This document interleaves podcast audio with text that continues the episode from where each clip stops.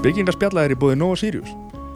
Nú er að koma nýr háls Chili bræði Ríkalega góður, ég er búin að smaka hann. Hann er ótrúlega góður, sérstaklega í Þessu skýta pulda og fólk er með hérna, Það er kvefi Kvef og, og, og slím í hálsi og, svona. Þetta er eitthvað sem að rýfur okkur gangur og, og þeir eru vittlusunni Svo er hann fagmatt Simmi smiður Kemur á rakamælir, ástandskoðar kíkir og bara og, og, og hérna, segir er hvað þú ert að gera við fastegnina, hvort sem þú ert að kaupa nýja eða hvort þú eigir gamla.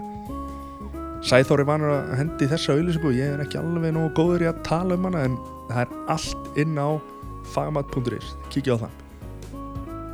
Steppi málari 250 litir. Á mörgumtalinn besti og myndalasti málari landsir eina leiðin til, fyrir ykkur til að kíkja á það er að fá mannin í heimsók og í vinnu þá sjáu þetta bara fyrir ykkur sjáu þetta bara í ykkar eigin augum. Það er bara svo leiðis liti.is, kíkja á það. Ég fekk mikinn meistara hérna í stúdiotímin, Tómas Þór Þórðarsson ætliðum að ræða um hérna NFL og Super Bowl sem er núna á sunnundaginn en við byrjum að sjálfsögða á hérna, hann kemur að Köruboltakvöldi og setnibilginu á stöð 2 mælu með að fara á stöðtöð.is og nælu ykkur í áskust af þessari snildar íþróttastöðu sem stöðtöð sport er. Uh, ég held að það sé erfitt að finna betri íþróttastöð. Þeir eru með allt efnið að það og þeir gera þetta bara virkilega, virkilega vel. Fórum yfir handbóltan, hann var út í Þískalandi með landsliðin okkar og fórum ölliti inn á það. Svo fórum við bara í, í NFL og hann er svo mikill hérna New England Patriots maður að það var, var erfitt að ná honum af því topiki sko og, og, hérna, og Tom Brady hann ég held að sé bara, hann er ástfangin af Tom Brady sko en, en það er bara allt í lagi, ég skilða bara ágætla hann er drullu góðu vegi en bara njótiði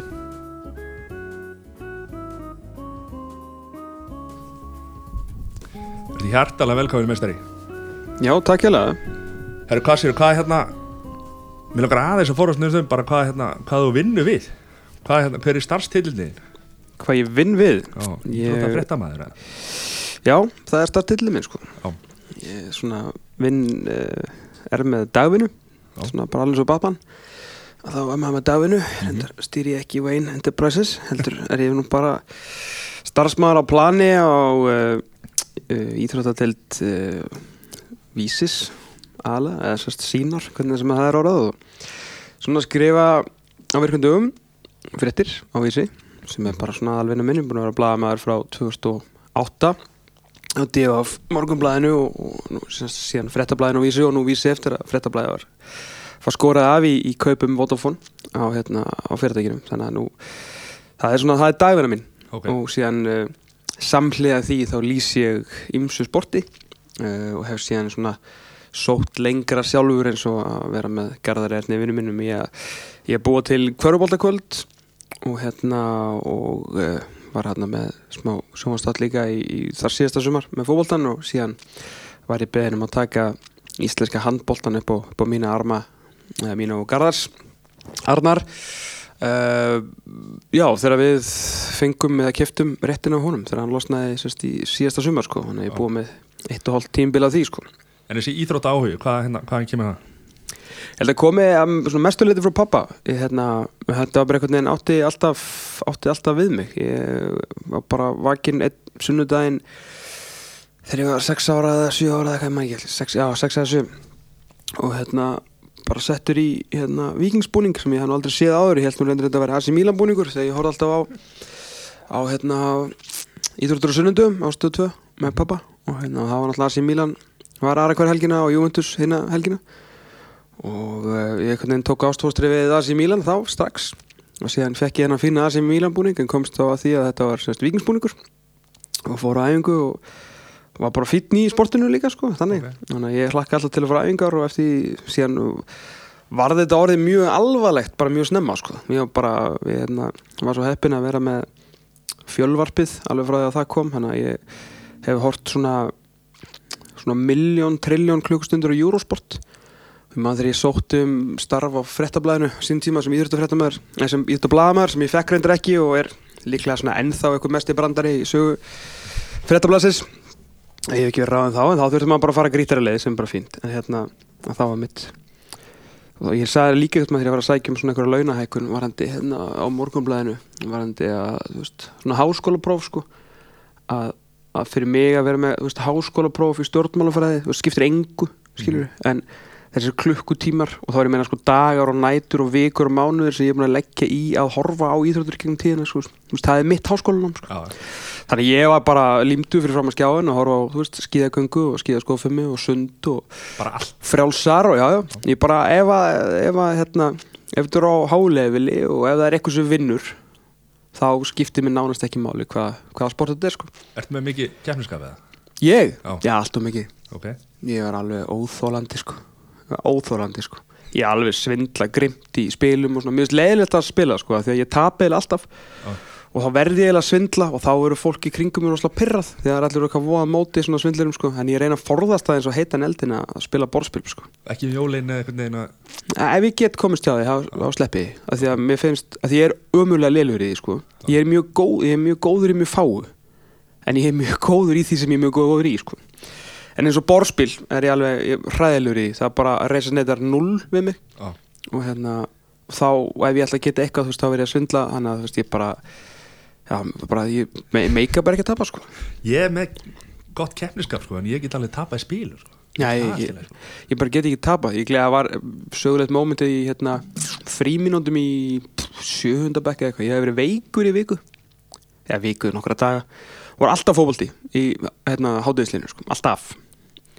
Og hérna, og eitt besti vinur minn á, þeim tíma eða bara besti vinur minn á þeim tíma hann hérna, hann kannski ekki sá svona, ekki svo besti í fótboltanum sko og ég var svona leta mikið í mér heyra og var svona örðuðu mennir voru ekki að sinna sínum störfum sko og þetta var ekkit bara einhver hverjar fríminútur af, af sko fótbolta voru ekki bara einhverja fríminúna fótbolti sko.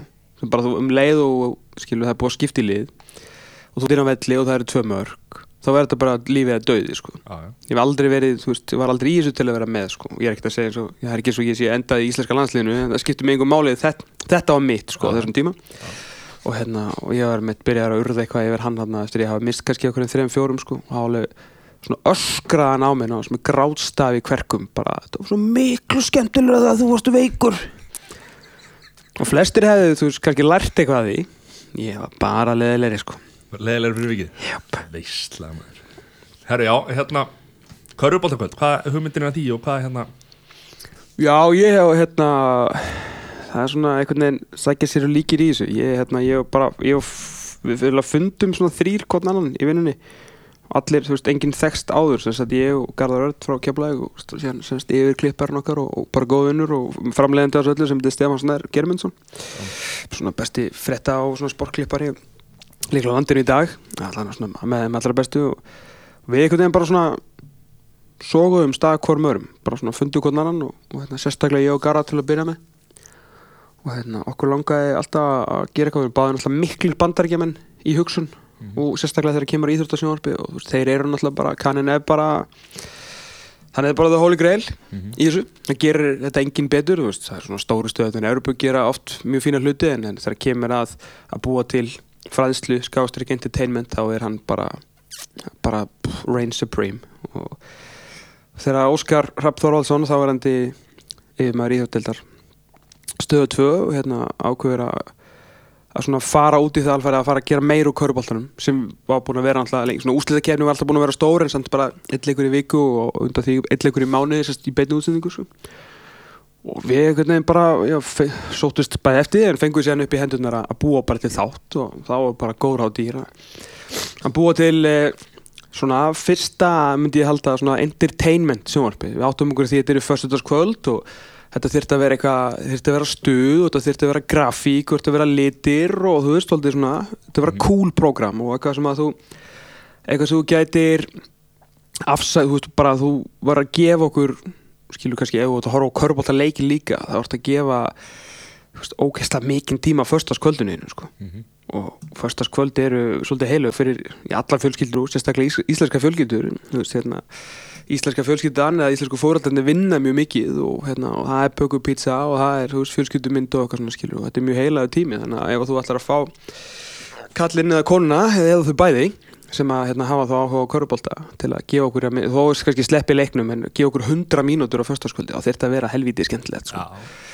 þannig að við lögum bara með það og bara, herru, ef ekki bara gera fyrsta bara, bara bandariska tífið og svona hjólum svolítið það og ákveðum að veðja á ég veðja, þú veist, bara hérna á kjartan alltaf og bara, bara frábæra ákvörun og, og garðar á allan heiðurna sem sérfræðingum mm -hmm. sem koma að inn og og hérna þó ég er náttúrulega alveg komið að þessu og sé alveg hlutlust þá er þetta náttúrulega bara eitthvað mesta homerun í íslensku íþrótasjónvarpi allar tíma sko Þeir eru alltaf léttir hérna, þeir eru helviti góðið sko. Já, bara skemmtileg bland í þessu það er, þú veist með þú svona róleri svona, svona sérfræðingatýpur í kitta og sem er náttúrulega samt orðhefnasti og bara svona eitthvað snjallasti íþrótapöndit á Íslandi.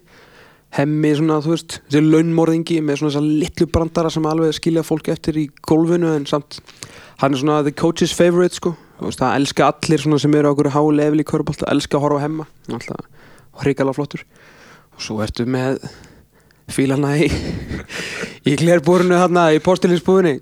Skilur við stundum saman sko. Og svo rugglast þetta allt saman og þessi með þessum. Og ég veist að bara þetta er á fjóra sísunni núna og ég er svona, þú veist, aðeins streymi út úr þessu svona undarfærin ár og hérna, en, en reyna horf, alltaf að horfa og, hérna, og stýrið þennu reynda fyrstu tömmu þáttunum núna því að Kertan allir var í öðru verkefnum og það er mjög gaman á og bara elska þessa gauðra og þeir elska konanann og þetta er alveg eh, ef fólk vissi bara hvað væri mikil samgangur og mikil samstæða og svona gaman hefur svona gæðum alltaf þá mm -hmm. held ég myndi lítið kannski þáttinu en þá svona betri öðru við sögum en þetta er bara, já, það er bara maður býður alltaf við hérna á sofabrúninu og sé hvað er alltaf að segja næstu Já, þetta, þetta er svolítið þannig Þetta verður að vera svolítið sko. Algjörlega Þá, svo fórst ég í handbólta setnibilgjan Já Það var bara sipuð hérna pæling og, og reyna hérna Já, og svona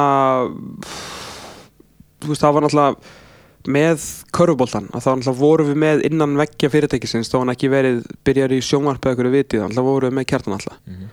Sem er náttúrulega körfubóltamæður náttúrulega spilað, þú veist, bygg, töfaldur byggamestari og þú veist, verið bara stór rulluspillar í mjög góðu stjórnulíði sko, en það var ekki svo sem enginn handbóltamæður, þú veist, inn á innan veggja fyrirtækisins nema náttúrulega Gaupi sem var kannski ekki að fara að taka þetta. Mm -hmm og hérna, ég var beðin um þetta og hérna og ég segði bara, ég gerði alltaf bara með Garðari og Garðar var klár og, og hérna við fengum minni tíma til að undirbúa fyrsta sísun en hafðum alltaf, þú veist, við settum svolítið, þetta er bara grind, eða svona grunnur skilur þess að við byggum til með Garðvóðakvöldi og lögðum setni bylginum svolítið ofan á það.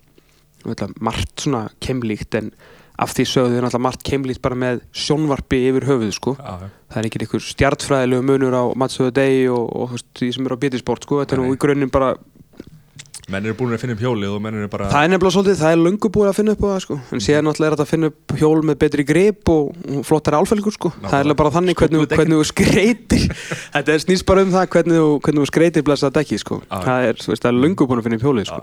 En það er ekkit verið að, þú veist, ég meina menn er ekki að stela hverju öðrum. Þetta er bara eins og segi, við erum að Nei, nei, ég veist sama, en, en, hérna. Já, stela alltaf lagi, ég menna þú veist að eru hvað allra fróðastir um, um hérna bandarist sjónasefnimi og íþrótafni við þú veist eins og framlengingin skilur sem að hérna, þú veist ég kom með í, sem er náttúrulega bara svona singul svona vinsæðasti dagskálegur í kannski íslensku íþróttu sjónaspi allan að sérstaklega eftir eftir stóra núvitundarmálið þarna eða veganúarmálið að þá hérna ég meina að það svo pælingu bara tekin úr bandarísku sjómanstætti sem heitir PTI eða Part of the Interruption Já. og hérna veist, maður, allur þátturinn snýst um svona röndvandæmi þar og veist, okkur dæti að vera gott að vera með svona endapunkt þar sem að vera nokkur umræðefni til að ljúka þessu með svona smá flugöldum sko. mm -hmm.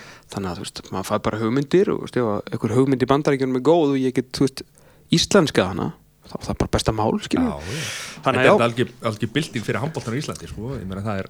Já þetta er núna þetta sjálfsög þetta er Jón Gunnar Einarsson hérna minn kæri sérfræðingur og hérna við fórum eftir loka þáttin í fyrra og fórum við á smá skrall og við erum séðan í leigubílegstar og hann verður svolítið svona meir fyrir svona að segja svona hvað þetta hann fannst það gaman og hvað þetta skipti hann og handbólta miklu máli því að bara það er ekki mörg ár síðan og bara nokkur ár síðan, bara tvö ára hérna, eitt ár þessuna að hann var að drífa sig heim eftir leiki til að sjá þú veist, einu hálfa mínútu um alla umferðina í tíu fréttum rúf fór að kvíta rittaran hann Já, já, var hann, hann síðan hvarf því miður frábær kjúklingasalat og hann var hérna, í- hann var hérna í podcasti hjá okkur um Já, ég sá það. og hérna, þá var hann að tala um að, þetta, að þetta er á mándaskvöldum Já, það var ekki gott sko að þá geta menn ekki fengið sér sko.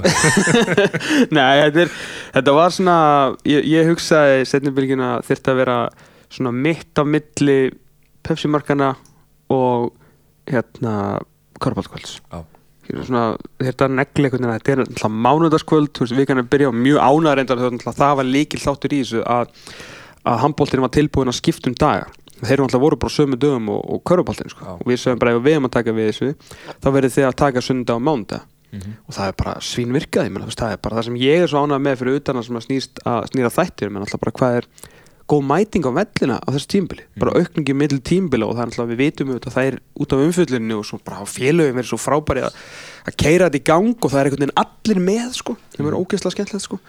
Og maður, veist, að, maður getur nánast sagt hverjum hvaða liði sem er að gera hvað sem er sko, þú veist, að eru allir hann sem auðvitað er um, um svona hóluna sem að handbóltum var komin í og eru allir meira en tilbúinu til að veist, hjálpast við að komast upp úr henni sko. stífu algjörlega, þannig að það er bara búið að vera stuð sko. en er þá ekki handbóltin á Íslandi orðin betri núna heldur en bara með sam, þú veist, eh, hvað maður segja þetta hjálpast alltaf þetta hjálpast alltaf, ég meina, sko, deildin er alltaf ævintilega sterk Mhm. og ég held að veit ekki hvort að það komi okkur eitthvað við það er bara einhvern veginn Nei.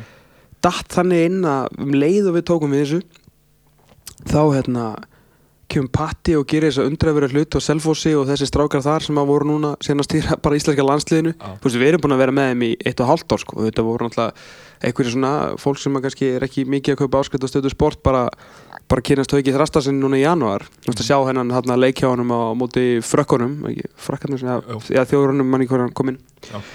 Og hérna, og þetta er Elvar Örn Jónsson og svona, sko, þetta er enga frétti fyrir þá sem eru með áskriftur og búin að horfa á þetta mm. við erum löngu búin að sína fólki hvað menn þetta er, sko, en að sjálfsögur ég ekkert að fara að keppa við áhorstölur setnibilgjuna mánudagskvöldi í nóvumber eða rúf, sko, frýtt fyrir alla landsmenn skilur við á landsleik sko. Ég-.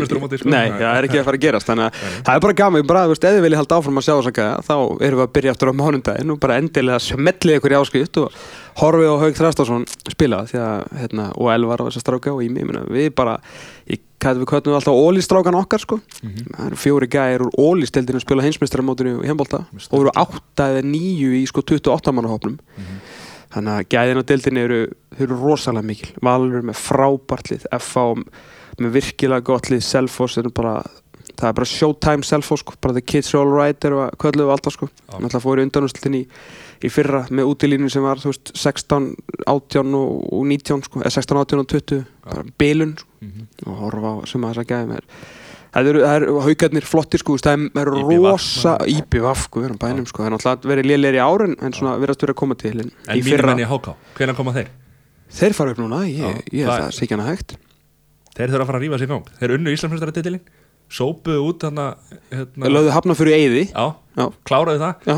seldu alla leikmenna. Já, það var eiginlega annað hægt þegar þetta lið er náttúrulega sko ef við horfum tilbaka er það náttúrulega ekki vitleysa sko. já, já bara Bjarki Már Elísson, Óli Bjarki sko Tandrir í Danmörku mestrarliða Skern, Óli Bjarki búin að eiga bara fínan uh, hérna, atvinnumannaferil hérna, síðan þá, Alli Efur Ingólfsson er, sko, fór út og var að spila einu besta liðin í Svíþjóð.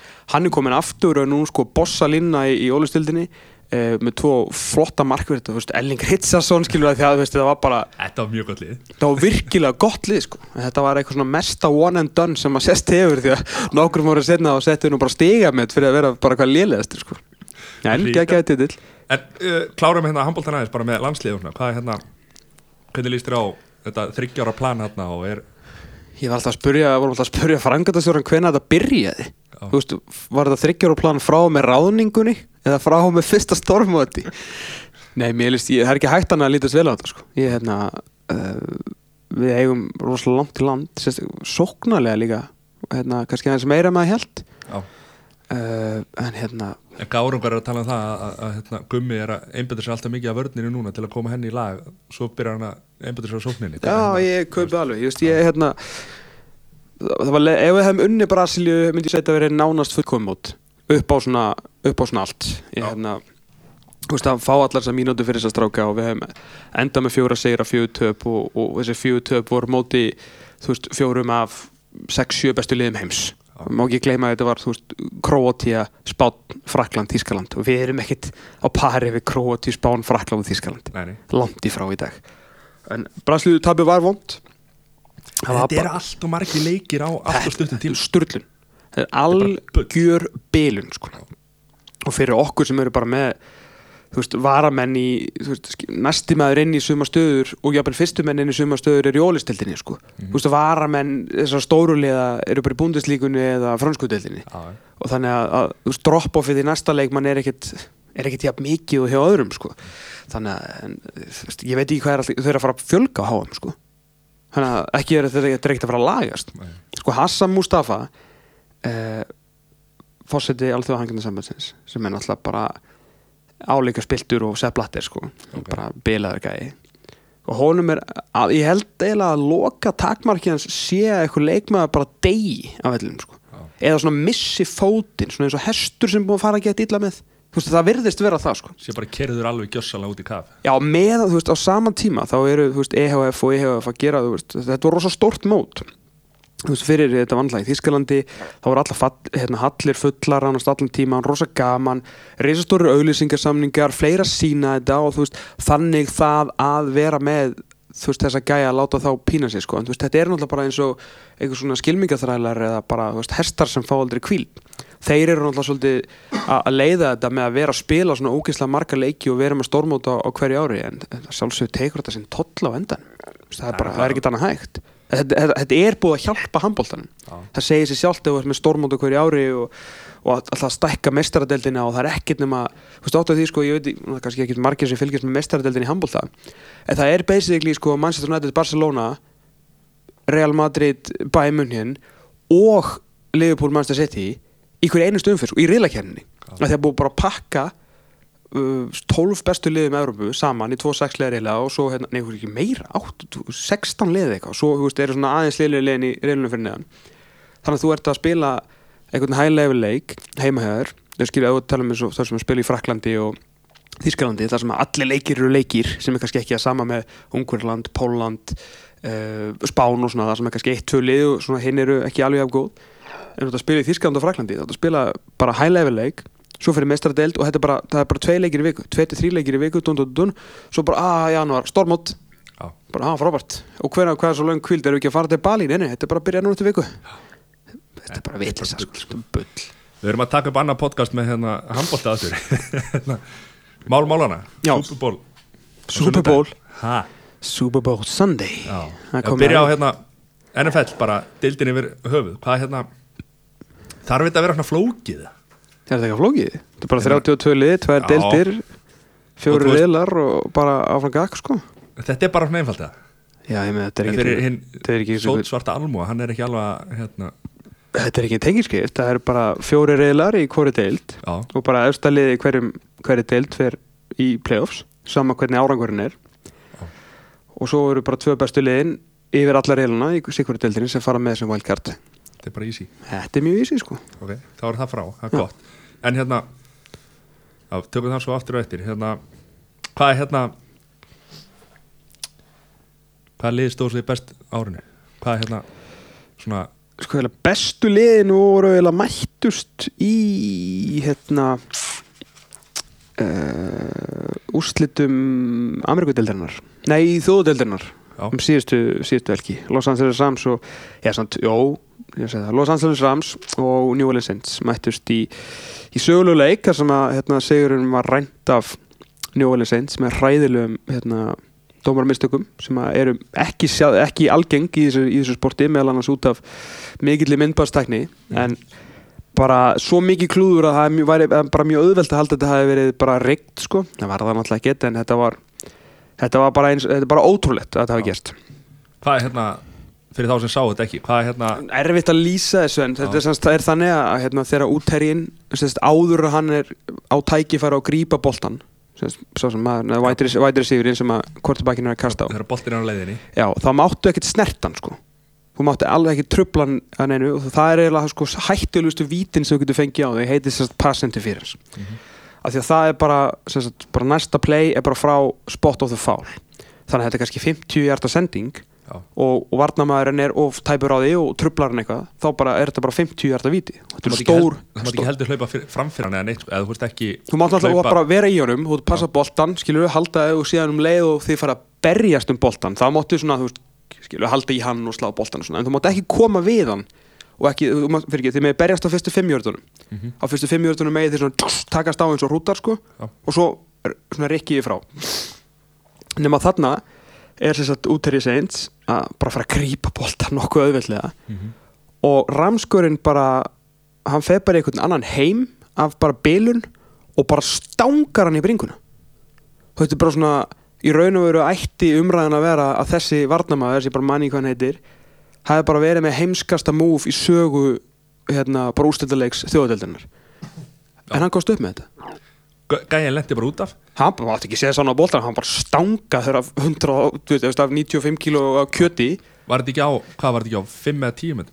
Jú, bara þetta var bara alveg, alveg markið sko. Og bara Það hefur verið pingul easy, sko. easy touchdown og engin tími eftir en þá fór þetta bara í ótæm og endanum átti svo sem mikið eftir að gerast en þetta þeir hefðu Já, þetta var rosalett þetta er nefnilega, já, menn er að tala um hérna og ógeðslega leðilegt fyrir fyrir eh, höfðingjan uh, Drew Brees. Já, sem að hefði svo sannarlega já, allan með að koma sér aftur í súból í annarsinn hann á eitt ring og hérna talingum en hafa unnið þetta.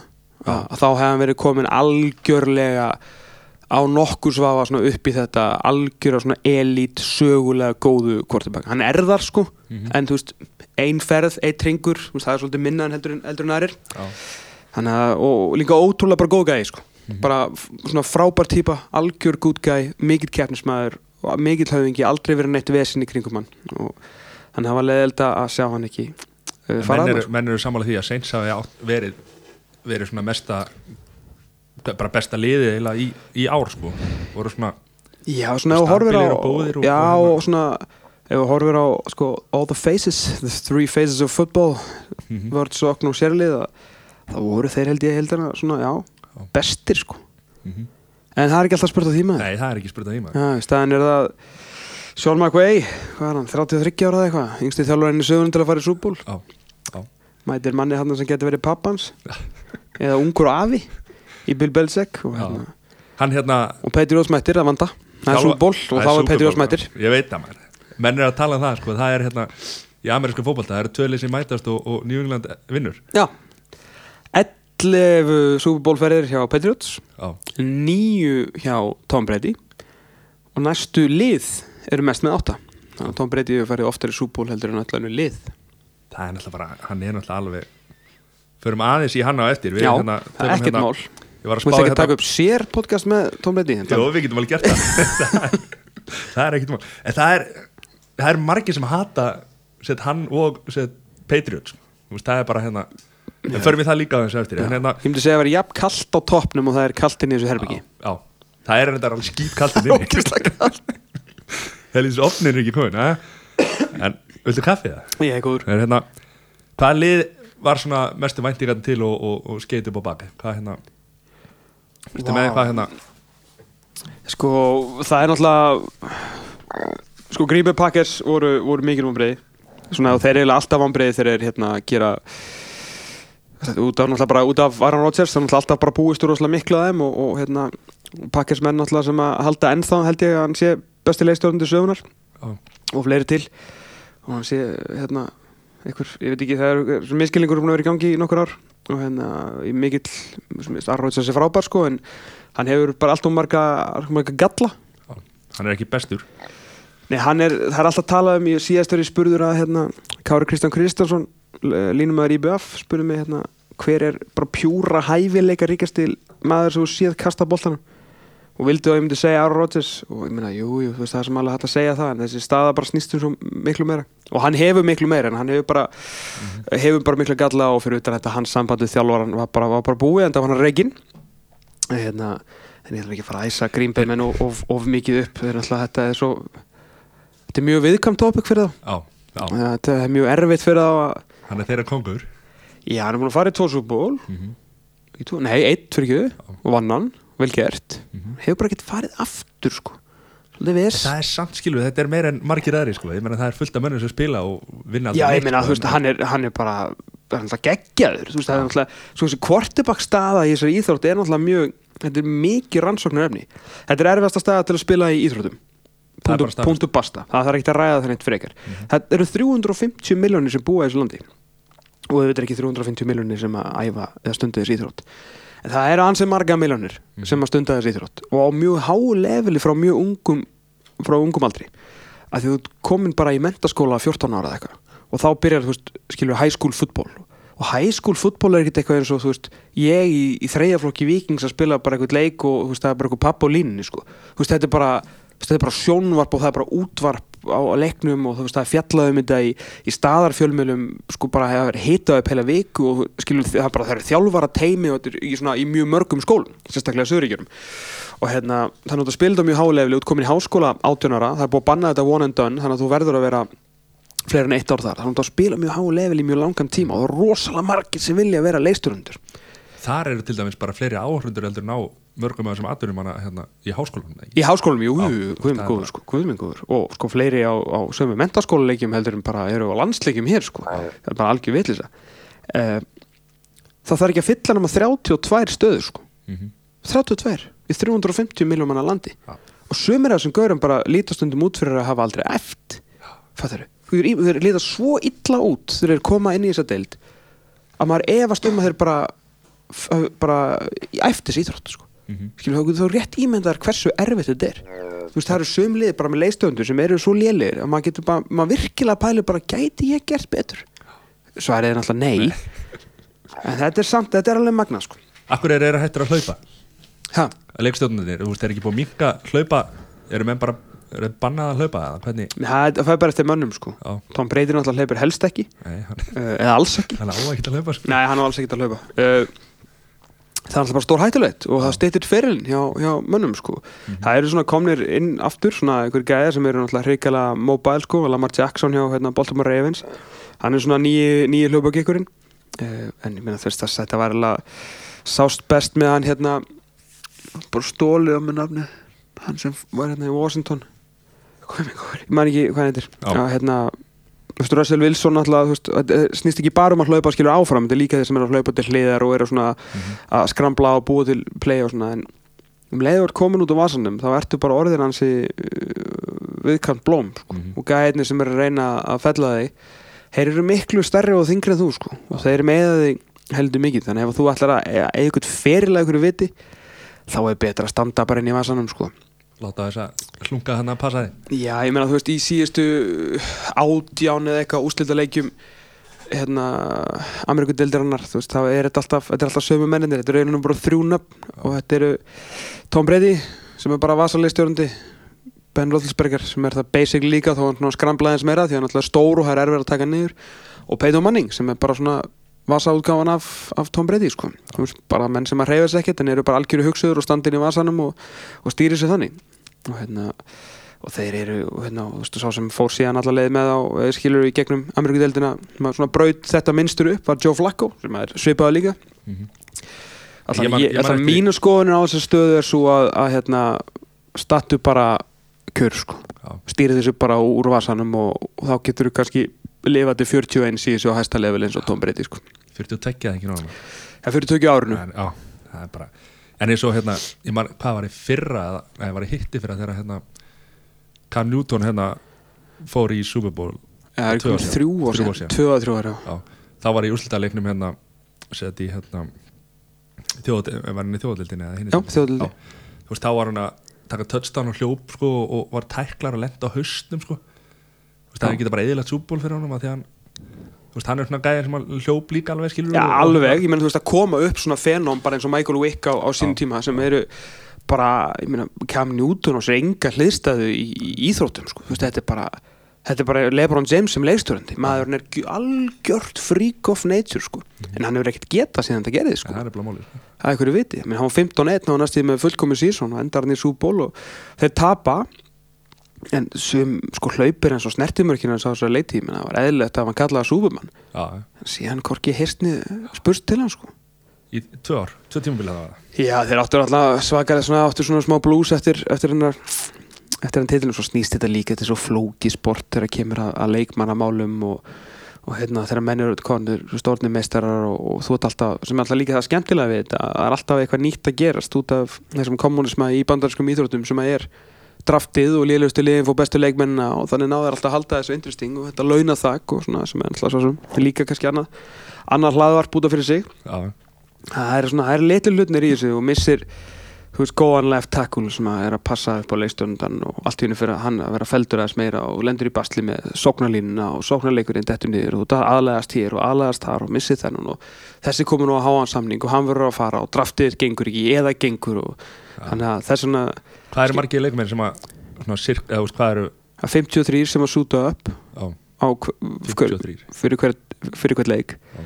og svo er það með hérna, svona praktisk skot líka þannig að ég man ekki alveg hvað eru margin en það er einhverjir einhverjir tugir sem, sem, er- sem, er- sem er 600.000 dollara á ári eða ert bara í æfingaliðinu sko. Já, ok þannig að það er ágættis vinna sko. Hvernig komast þið við það? Er það er 600.000 dollara sko yfir sísunni Já, en maður já, gleymist því þessu og ástæðan fyrir að menn verða helviti blankir í þessu já, er að þeir eru ekki með laun frá janúar til ágúst sko. það er náttúrulega ríkar já, menn verður svolítið að passa seðilinn sko. og þeir eru sumir hver er ekkert sérstaklega góður í því en það sumir auðvitað komnir úr úr mikilli fátakt úr lítilli mentun Mhm. og mjög erfiðum hérna erfiðum aðstæðum í uppeldi sem er bara að grafa alvarlegt mál meina það er hérna, það er mjög auðvelt að segja að sumir þessari drengja og því miður sumir bara allt og allt og allt og margir séu bara sögð heimskir Mhm. en, en þú veist, það er einfaldarlegin til að líta á það En það má ekki gleyma því að ef að þú elst bara upp í í hjólhísi í Alabama eða í sko bara The Murder Streets of Compton Mhm. að þá náttúrulega þekkir þú ekkit annað en bara ansi blákaldan veruleika og þú ert ekkit búin að klára hérna sko allt lagsnissafni sko. Veist, þetta er svona Og þú veist, þú ert ekki að einbytta þér að skólanum að því þú ert kannski að reyna að vinna fyrir þér eða eitthvað svona á sem betur fyrir er þetta að hérna, þetta er að það er að færast í aukana að svona strákar úr hérna úr þessum erfiðari hverfum er að taka skóla meira alvarlega sérstaklega eins og hérna, gegnum, þeir hafa beitt sér líka mikið fyrir það svona top karakter í þessari deildi svo Richard Sherman sem var, er hérna bakverður var í Legion of Boom í Seattle Seahawks sem er með Tom Brady tók í bakarið í súból hérna fyrir nokkrum árum. Og hann er svona einmitt kemur úr erfiðum aðstæðum en tók námið sitt mjög föstum tökum og mjög gávar og klár strákur þráttur að komið upp í gegnum mjög erfitt uppeldi. Og hann er svona þurfa fleiri að, að benda þessu strákum á að þetta eh, NFL er stundum skanastöðinu fyrir not for long sko. Mhm. meðal tímin er 2,5 ár Já. sem er ansið lítið þannig að mann þurfa kannski að hafa eitthvað annað Fólk áttar sig á á. því sko. Það er, þetta, er, já, þetta er mjög stuttur Með, staðsetning meðal, og- og hérna- meðal hérna, já. ferillin er, er mjög stuttur og þetta er svona uh, En Þess og er sér líka bara sem er að gerast í þessu það er bara það er bara hátíð þegar þeir komast í gegnum einn mánuð á hans að sé eitthvað kæra sko. Þú veist, þeir eru að berja konur, þeir eru að nöðga konum þeir eru að berja hvern annan þeir eru með óspættir, þeir eru að nota eitulíf sko. og hérna, auðvitað er ekkert mál að segja að þetta sé bara einhverju vitlýsingar og það má alveg með marga þeirra sko. sumir eru náttúrulega bara henni búin ógeð sko, af þessum mönnum og Mhm. við erum náttúrulega auðvitað er þetta til í fleiri íþróttum en við erum að tala um þetta akkurat núna en þetta er bara að þú þekkir ekkert annað þú, þú veist, þú bara búin að horfa kannski á pappa henni eða frenda henni eða hvert sem er bara koma fram með, þú veist, kon annarkvært mömmuðin eða hvað sem er bara og bróðin að horfa á þá komið fram með kæristunum sínar eða bara kallmenn koma fram með konur yfir höfuð bara með svona stælum og eina sem þú þekkir er bara að selja fíknefni eða vildi svo skemmtilega til og þú varst brókislega góður að grípa bolta og ströllu fljótur og náður að koma þér út úr húttunum sko. Mhm. Svo náttúrulega er svo Það mikið fullt af peningum og þá fullt af peningum og þá koma þessi gæðir aftur og sækja þig sko og Mhm. hérna, possiði inn mæta, mæta, mæta allir þrótt pening sko Mhm. þannig að þetta er þetta verður eiginlega vandamál í, í, þessu, í þessum bandarísku íþróttum og sérstaklega þessar íþróttum sko þeir eru vonandi að breyta þessu með að sleppa þessu one and done og, og þetta veist, Já, þeir, svona, það er á að vera náttúrulega hluta þessu fyrir utan að þeir vilja líka bara þroska þeirri líkama Mhm. Inn í, inn í NFL-leitina sem var líka mjög góð pæling sko. En talandi um hérna, ég er Vikings aðdáðandi og hérna Skemmtilegt Kirk Cousins hérna, Síðan hvenar? það er bara það Eitt er ár ekki- síðan, eða? Nei, það er svona fjögur ár síðan. Ok. Ég var hérna, Það er lið sem ég myndi örgulega ég, fór, ég hugsa oft hvað ég myndi velja mér ef ég var að byrja í dag. Já, Ég held að það væri Pittsburgh Steelers.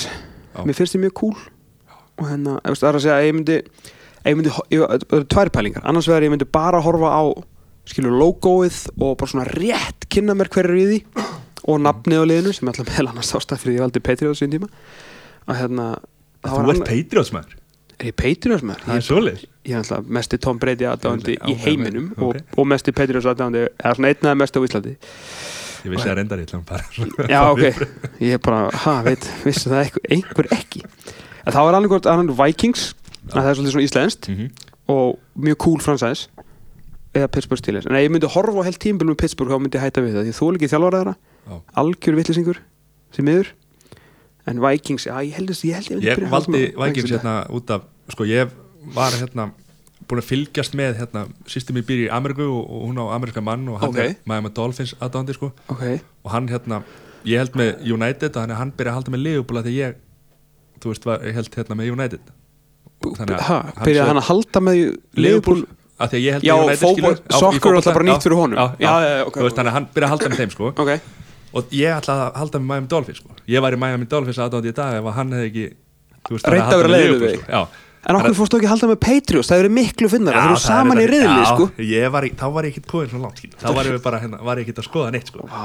Og hérna svo hérna þegar Íslands tengi ekki komið Vikings hérna, og hérna, þá valdi ég með lið og þá sagði ég bara hingaðu ekki lengra og hérna bara komið með lið hérna og, Ég held að Vikings sé svolítið svona Chelsea, skilur já, já, eftir eða smára Já, þetta, já, ég ég held að já. getur verið svona ef að Vikings fari í súból eftir nokkur ára Já. þá verður mjög auðvelt fyrir okkur að finna ykkur að Vikings aðdáðandur já, já. Það er líka bara stemma En, hérna, ég var alltaf Eagles maður líka svona, þú veist maður, hann var þegar var hérna Terrell Owens og, og, Donovan McNabb, það var en það er svona, já, Vikings maður Kirk Cousins hérna, hvað er þetta ekki alltaf, hann var að gera einhvern störðlan samning nú, fimm ára samninga ekki og það er óuppsegjanlegu samningur. Jú, þeir eru allir bara búin að hlæja þessu allir sérfræðingarnir já, og þeir sem eru með þessa hot takes þætti bara í allan vindur sko. Þessi er bara the worst deal in sports. Er það ekki? Jú, bara djók sko.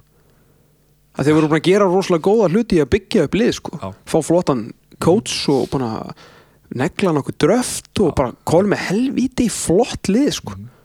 svo einhvern veginn text einhverju manni að hérna, svo þetta er alveg á hápunkti þess með að vera að tala um að þú get, gerir ekkit á hans að vera með franchise quarterback og Mhm. bara hérna og það er svo sem alveg ennþá umræðan þetta var einhvern veginn rosa hátt í umræðan á, á þessum tíma og, og, og umbóðsmaður Kirk Cousins sko, hann bara hvar sem þú ert í heiminum take a bow sko. Þetta er bara þetta er bilun sko. Sko, og líka svo money guaranteed en alltaf það er algjör sko. vittlisa það er ekki þetta að segja hann um upp sko. Æ, ég þarf að segja hann upp Já, og þú þú að borga honum sko. og þá það. þú, sá peningu fer bara af kappinu þú getur ekki bara sagt honum upp og borga honum og fengið einhvern annan og sama pening það er ekki hægt sko. þannig að þeir eru búin að alveg fokka sér upp sko. Já, takk fyrir það, ég var að vonast til einhverju öðru hérna, ok Herru, Super Bowl, já, það er bara Hot Wings Day Já, er eitthvað séns eða? Sens, Á, að, hérna, LA Rams takja það? Já, já, mikið sens frábært lið. Uh, bara algjörlega frábært lið. Náttúrulega Patriots fóru hérna og unnu fyrsta sinn í, í þrjú, eh, þrjú skipti semst á óduvelli í AFC Championship með, með geggjari hérna já náttúrulega breyti bara síndi brennu aftur að hann er uh, Gaten, The Goats. En gameplanið hjá Bill Belichick var náttúrulega bara algjörlega styrlað þeir vissu að besti vinnu Mosesbæjar nýjasti Mosfellingurinn, Patrick Mahomes Mhm. Að ef hann væri með boltan í höndunum að þá myndi Kansas vinna. Sem var alveg hárrétt með því höfum því að hann skora 31 stig í 47 playum á 21 mínútu sem er algjör þvæla. Þannig að þetta hefði verið bara svona, þú veist, 32-28 svona eitthvað svona sem að þykir bara fínt þú veist, ef þú tala um að vera með boltan þá hefur unni svona 50-30 svona ef við meðum bara við þetta þú veist, Kansas City. Já, en uh, lætur ekki Tom Brady fá boltan í, í Jó, er time sko. Nei, þá er þetta Nei, menn eins og bara, sko hvernig þeir eru hvernig þeir kunna leikin veist, það var bara fyrsta sóknin. Tók einhverja 8-9 mínútur. Já, já, bara til að láta Patrick Mahomes ekki fá boltan Þeir eru náttúrulega bara síðans týpurar, hann og, og Bill Belichick og bara stýra þessu saman algjörlega snýða saman gameplanin og Bill Belichick náttúrulega bara besti þjálfari sögunar og Tom Brady er besti hérna, leiksturundi sögunar og besti svona in-game coachinn þannig að eðlilega er þið búin að gena á ansi miklum árangri þó náttúrulega algjörlega sturluðum árangri. Þið verður að fara í nýjunda sinni í súból sko. það eru gæðir sem spilda alltaf svona æfi og fara aldrei í stóra ballið sko. og kannski fara einu svona og tapa sko. Eru samt áleitnir frábærir og geggjaðir Já, og, já, guðminn, góður sko. Bara, ég meina, algjörlega. Þetta er þetta er ekki villisa sko. Þetta verður, mjög fróld því að þú náttúrulega mæta Sean McVay sem er þjálfur Eil og Sandler Sams sem að er bara að hann mun annarkvort vinna svona fimm Super Bowl Mhm. eða held ég bara springa. Þá er ég mun bara, hann verður bara spontaneous combustion í daginn. Hann er náttúrulega einhvers konar uh, svona svona eitthvað séni. Skilur. þú, þú spyr bara þú spyr hann bara hérna herru það var hann að leikur sem þið spiluð fyrir fimm árum hérna þegar þú varst eitthvað að gera þetta og þegar voru þrjár myndu eftir að klukkunni þá voru þið hérna þriðju átján og þið náðu að klára það. Mannstu hvað gerist? Þá bara já þá var hérna X, Y, eitthvað Z hérna right banana, split eitthvað og skipti með henni kerfi hann mann hvert einasta kerfi frá öllum leikjum sem hann hefði þjálfað. Bilaður sko. Já, hann er bilaður. Hann mætir hálfum mótana hverju mennastu degi og farin heim, sko, langfyrsturinn langsíðastur út. Fattur hann, hann, hann er bara og hann er yngstur til að hann er bara 33 eða 4 ára, þetta var algjör vitlisa sko, svo hann er komin í, í Bowl. Og annarkvort er hann bara minna, hann þarf núna að skáka Bill Belichick sem að verða hans stærsta verkefni í, í Super Bowl, en hann er alveg með tólinn til þess og hann verðist vera nógu klár til þess. Ég spyr mig þegar maður fór að kynna sér hann aðeins meira hversu lengi getur þú haldið áfram svona? Mhm. þú veist það er eitt að vera með gott vinnuethik og vera fyrstur inn og síðastur út og svona en maðurinn verðist vera algjörlega bilaður sko en allavega, bilaður og góðanhátt enn sem komið er því að hann er búin að gera frábæra hlutum þetta lið og þeir eru með stórkostlaðin GM sem er búin að setja saman í alveg bara geggja lið með frábæra hlaupara flotta leikstjórnda, gleymi því ekki að hérna, grínkallin Jeff Fisher sem að veildir henni svo skemmtilega til Jeff Fisher sem að var þjálfur þessa lið sinna þegar Jared Goff sem er leikstjórnandi Lósanslir Sams, hann, hann draftaði hann leta hann starta en tók hann sér nú liðinu og undir stjórn Jeff Fisher virtist Jared Goff nánast eða að vera bara svona bust sko, bara kunningin þetta var bara klikkað og tók hann sem first pick sko. Síðan kom í ljós að hann var helviti góður. Er alveg bara mjög góður. Og hérna var náttúrulega búin að vera virkilega, virkilega flottur í ná en Jeff Fisher var að mynda að þjálfa uh, Tennessee Titans þegar að St. Louis Rams unnu Bowl 99 sko. Já. þannig að það var, var kannski átt að ekki það koma aðeins veist, hvað finnst þér þegar hérna gera aðeins pása á Bowl hérna, hvað finnst þér þegar, þegar hérna, liðin er að skipta um borg og svona? Þetta er bara Hvað svo að bara, gera? þú veist, hvað mann að finnast ég, mann alltaf oft tekið þessa umræði og hérna eitthvað þetta snýst alltaf bara um pening sko. Þetta er bara, menn eru bara að marka sér þessi lið og, og eru bara að græða og bara, þú græðir fullt af peningum að vera eigandi hérna, ennur felliðs Já. það er bara, þeir passa upp á peningina sína mjög vel er bara, eigunir eiga þetta það er bara 30 manna bord skilur, bara stjórn, eða 32 manna og hérna kannski sömur sem á meiri influence heldur en aðri eins og Jerry Jones og Dallas og svona en þeir eru bara allir saman í þessu til að græða Já. og þú græðir bara fullt af peningum að eiga svona lið og ef þú getur farið til Los Angeles frá St. Louis þá bara, þá tekur það tækifæri sko. Bara ferðu. En þetta er auðvitað þetta ógeðslega skríti og hérna uh, eins og með, með Baltimore já, já. á sinni tíma. Að hérna byrju hvernig var þetta þeir þurr eru búin að færa sig.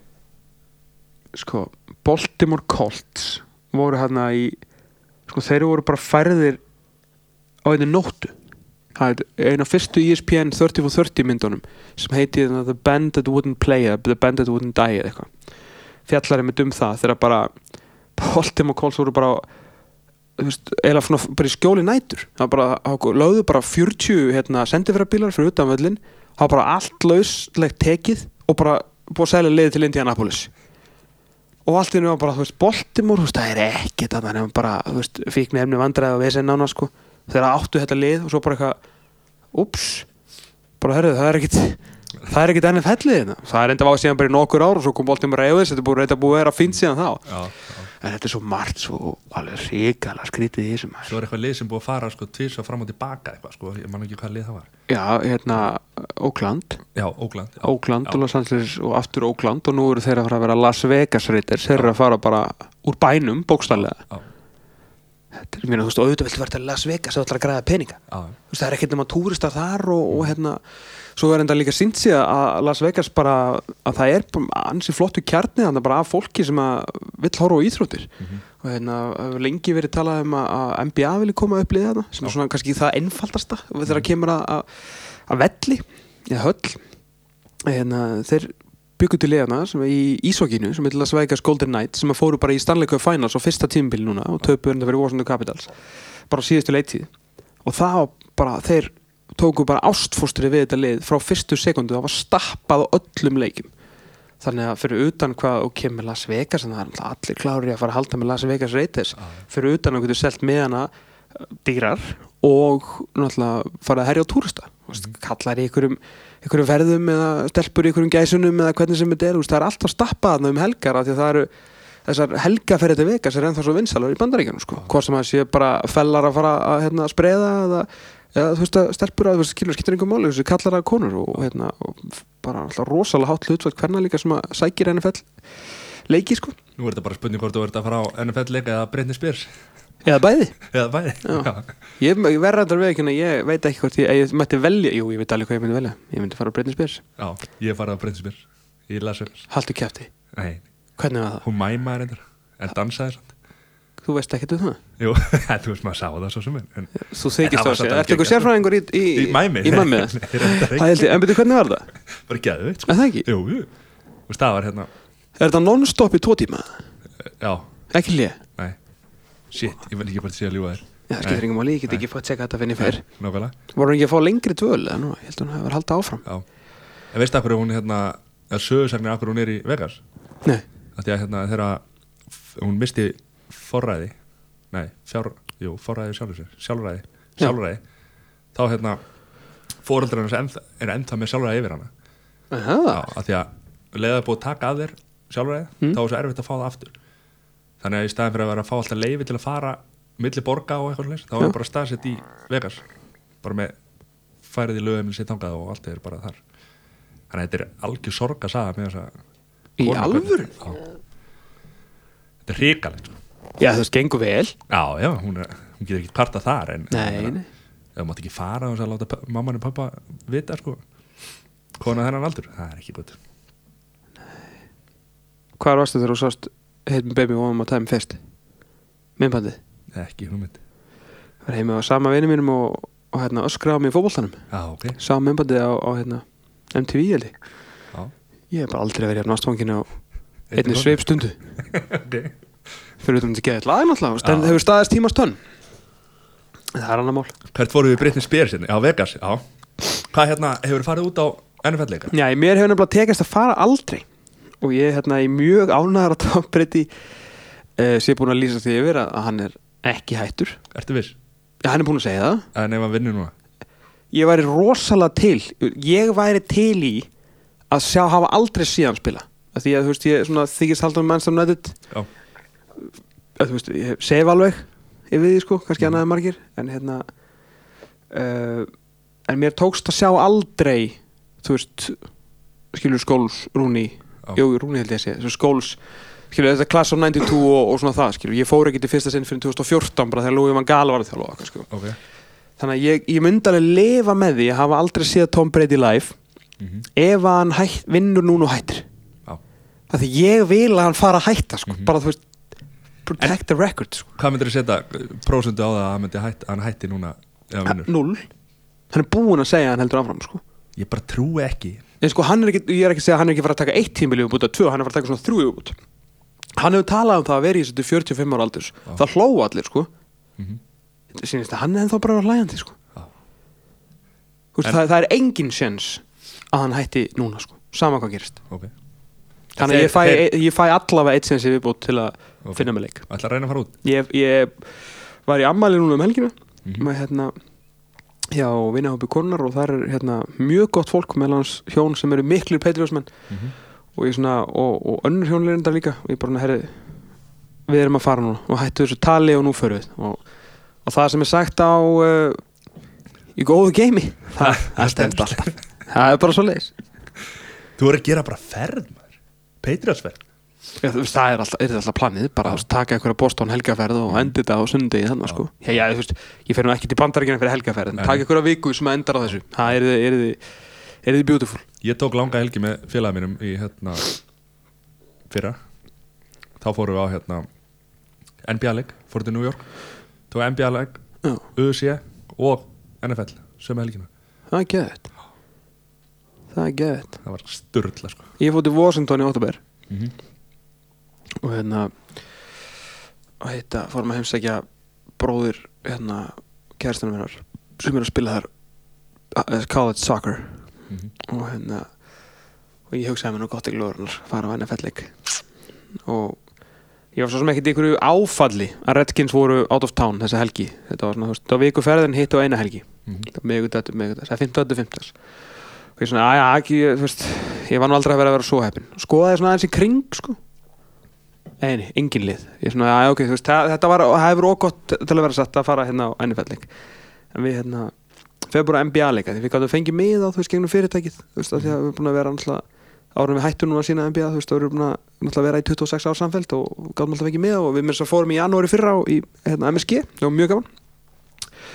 Og ég, ég beigð þarna eftir að við vorum að kaupa með hann eftir að hérna, sketsúli kemi fyrir NBA þá kom ég þarna sent í ágúst fyrir beint í Washington hérna Capitals, nei Capitals.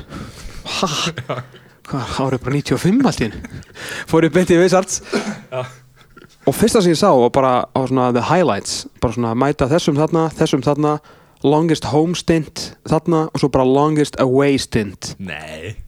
Nýju dagar, akkurat ferðin mín. Ég bara, nei, hvaða bull er þetta? Herra, þá fer ég að kíkja á ísokki, ég hugsa bara, herra, ok ég hef engan, ég, ég hef lítinn áhuga á þessu þannig. Ég veit reyndar alveg, fullt um þetta en að segja allir að fara á hokkileik sé skemmtileg upplifun. Og nú síðast, hérna, Elva Geir og Hafleifin minnur á fótbolti.net fóru á, á New Jersey Devils leik þegar þeir fóru með íslenskan landslindi bandaríkinu fyrra. Og svo hefði bara verið mjög gaman, sko. Ég svona, herri, ég, þú veist, Capital, eh, hérna, Capitals, já sem er að ísokkilið Já. þeir eru sem sagt hérna eru mistrar það hlýtur að vera gaman maður. Fara hérna í tímbilin í byrja og ennþá svona partíðum og fara á leik og ég býðum bara á, á ísokkileik longest away stint það er bara nei, haldi nú kjafti sko. Og DC United átti ekki leik heldur sem sagt fótbollaliðið og bara þetta og ég byrjaði að googla sko. Bara þetta, þetta er ekki tilvíðun þá var það sem sagt vegan fyrir alþingiskostningar og það heitir bara eitthvað dead week eða eitthvað. Og þú veist að það er engin að pæla í þessu þá er öllum íþróttum shippað out of town. Og það var bara akkurat vikan sem ég var hann þannig að ég fekk bara að sjá soccer, hérna college soccer leik hjá, hjá máum mínum sem var reyndar geggjuð upplifun. Já. og finnast það sem ég séð í mjög langa tíma en skemmtilegt einhvað séður það var ótrúlegt sko. Og svo mér þess að það sem að gerist þarna um helgina var að DC United átti sérst útileik loka umferðinni að meðlæstildinni og þeir unnu, þeir fóru alltaf svaka rönna þegar Rúni mætti, Já. komust í playoffs. Mhm. og það áttalegu úrslitin voru spiluð á miðvíkudegi og fimmtudegi ég átti flug á fimmtudegi hvernig heldur að þeir að fengi leik? Hjá þér. Hversu heppin? Þetta var einhver mesta sorgarsaga ég- Þetta frábæðferð og geggjuborg mæli með henni í bara án nokkur skrins hún er mjög dýr þannig að hérna, ég myndi vinna nokkra yfirvinni tíma árunni fara að ætla að hafa gaman. En frábær borg, Já. frábær. Það er nefnilega að fara á leik set, við förum aftur bara yfir í hérna, eins og Super Bowl bara og það, þú veist, að fara á leik í sko Ameríku Já, er allt annað dæmi heldur en að fara eins og ennsku knastbytuna eitthvað sko. það er bara, þú getur bara farið inn hérna við vorum aðeins að seina á eitthvað körfubátaleik hérna, ég fór í hérna á leikas líka hérna já, í Stable Center. Já, og það var einhverja pítsur þar fyrir utan eitthvað og ég hérna kefti mig pítsu og spurði svo bara hvort ég mætti fara með þetta inn. Hann horfði bara á mig svo ég var eitthvað, eitthvað klikk bara auðvitað máttu fara með þetta inn þú veist, þá sa- sat maður þar bara með pítsu í fanginu og horfa á körfu. Sturla sko. Nei, þetta, var svo algjörlega gæt við fengum, ég bjóstu voru svo litlu þegar við fengum með hana í, hérna, MSG í janúari fyrra, þegar við fórum til New York af því að þetta er bara svo það vilja allir fara í þessu höll, það skiptir engum máli hvað að spila þetta. Nix Pelikan sko. Já, en það, var gaman, að- það var mjög gaman að sjá Anthony Davis spila, þú veist, up close sko. það var mjög gaman. Að hérna, við fengum algjörlega bilaða með það það var hrikalega gaman og hérna, svo mætum maður inn. Og þetta var bara svona á okkar hæð og hérna, það var bara svona, þú veist það sem svona, okkar ingangu var. Veist, það var bara heill hringur og það er náttúrulega ekkert um að veitingastæðir og barir. Mhm. þú veist, og bara good shit barir. Það var bara svona eitthvað, hei, hérna, í dag er hérna The Madison Square Mule, það er sérst allt er mule í allan í New York í fyrra. Ég fór í Comedy Cellar, það var Comedy Cellar Mule. Sem er bara þeirra take a Moscow Mule sko. Það reyndi að vera reykjavodka í Comedy Cellar Mule. Já. Já, svona sló hjartan aðeins. Drakk nokkar þannig og hló.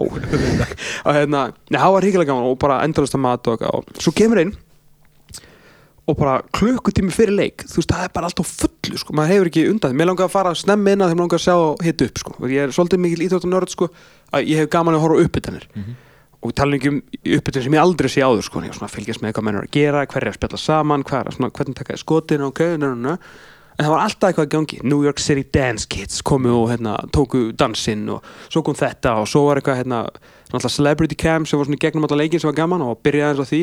Svo var að skjóta bólum og hitt og þetta og maður var bara eitthvað, wow, hvað er að gera sem þetta dötnir, svo voru þjóðsöngur og ég veit ekki hvað og hvað. Og svo var bara hérna de, de, de, og bara talið niður í tip-off og um leið og boltið fór upp í loft það bara búf, þögn og allir í síman það var einandi engin að horfa á hann að leik til að berga lífi sínu sko hundleðilegt sko, Já. reynda fór í overtime og fólk var svona svolítið engaged í overtimeinu sjálfu Mhm.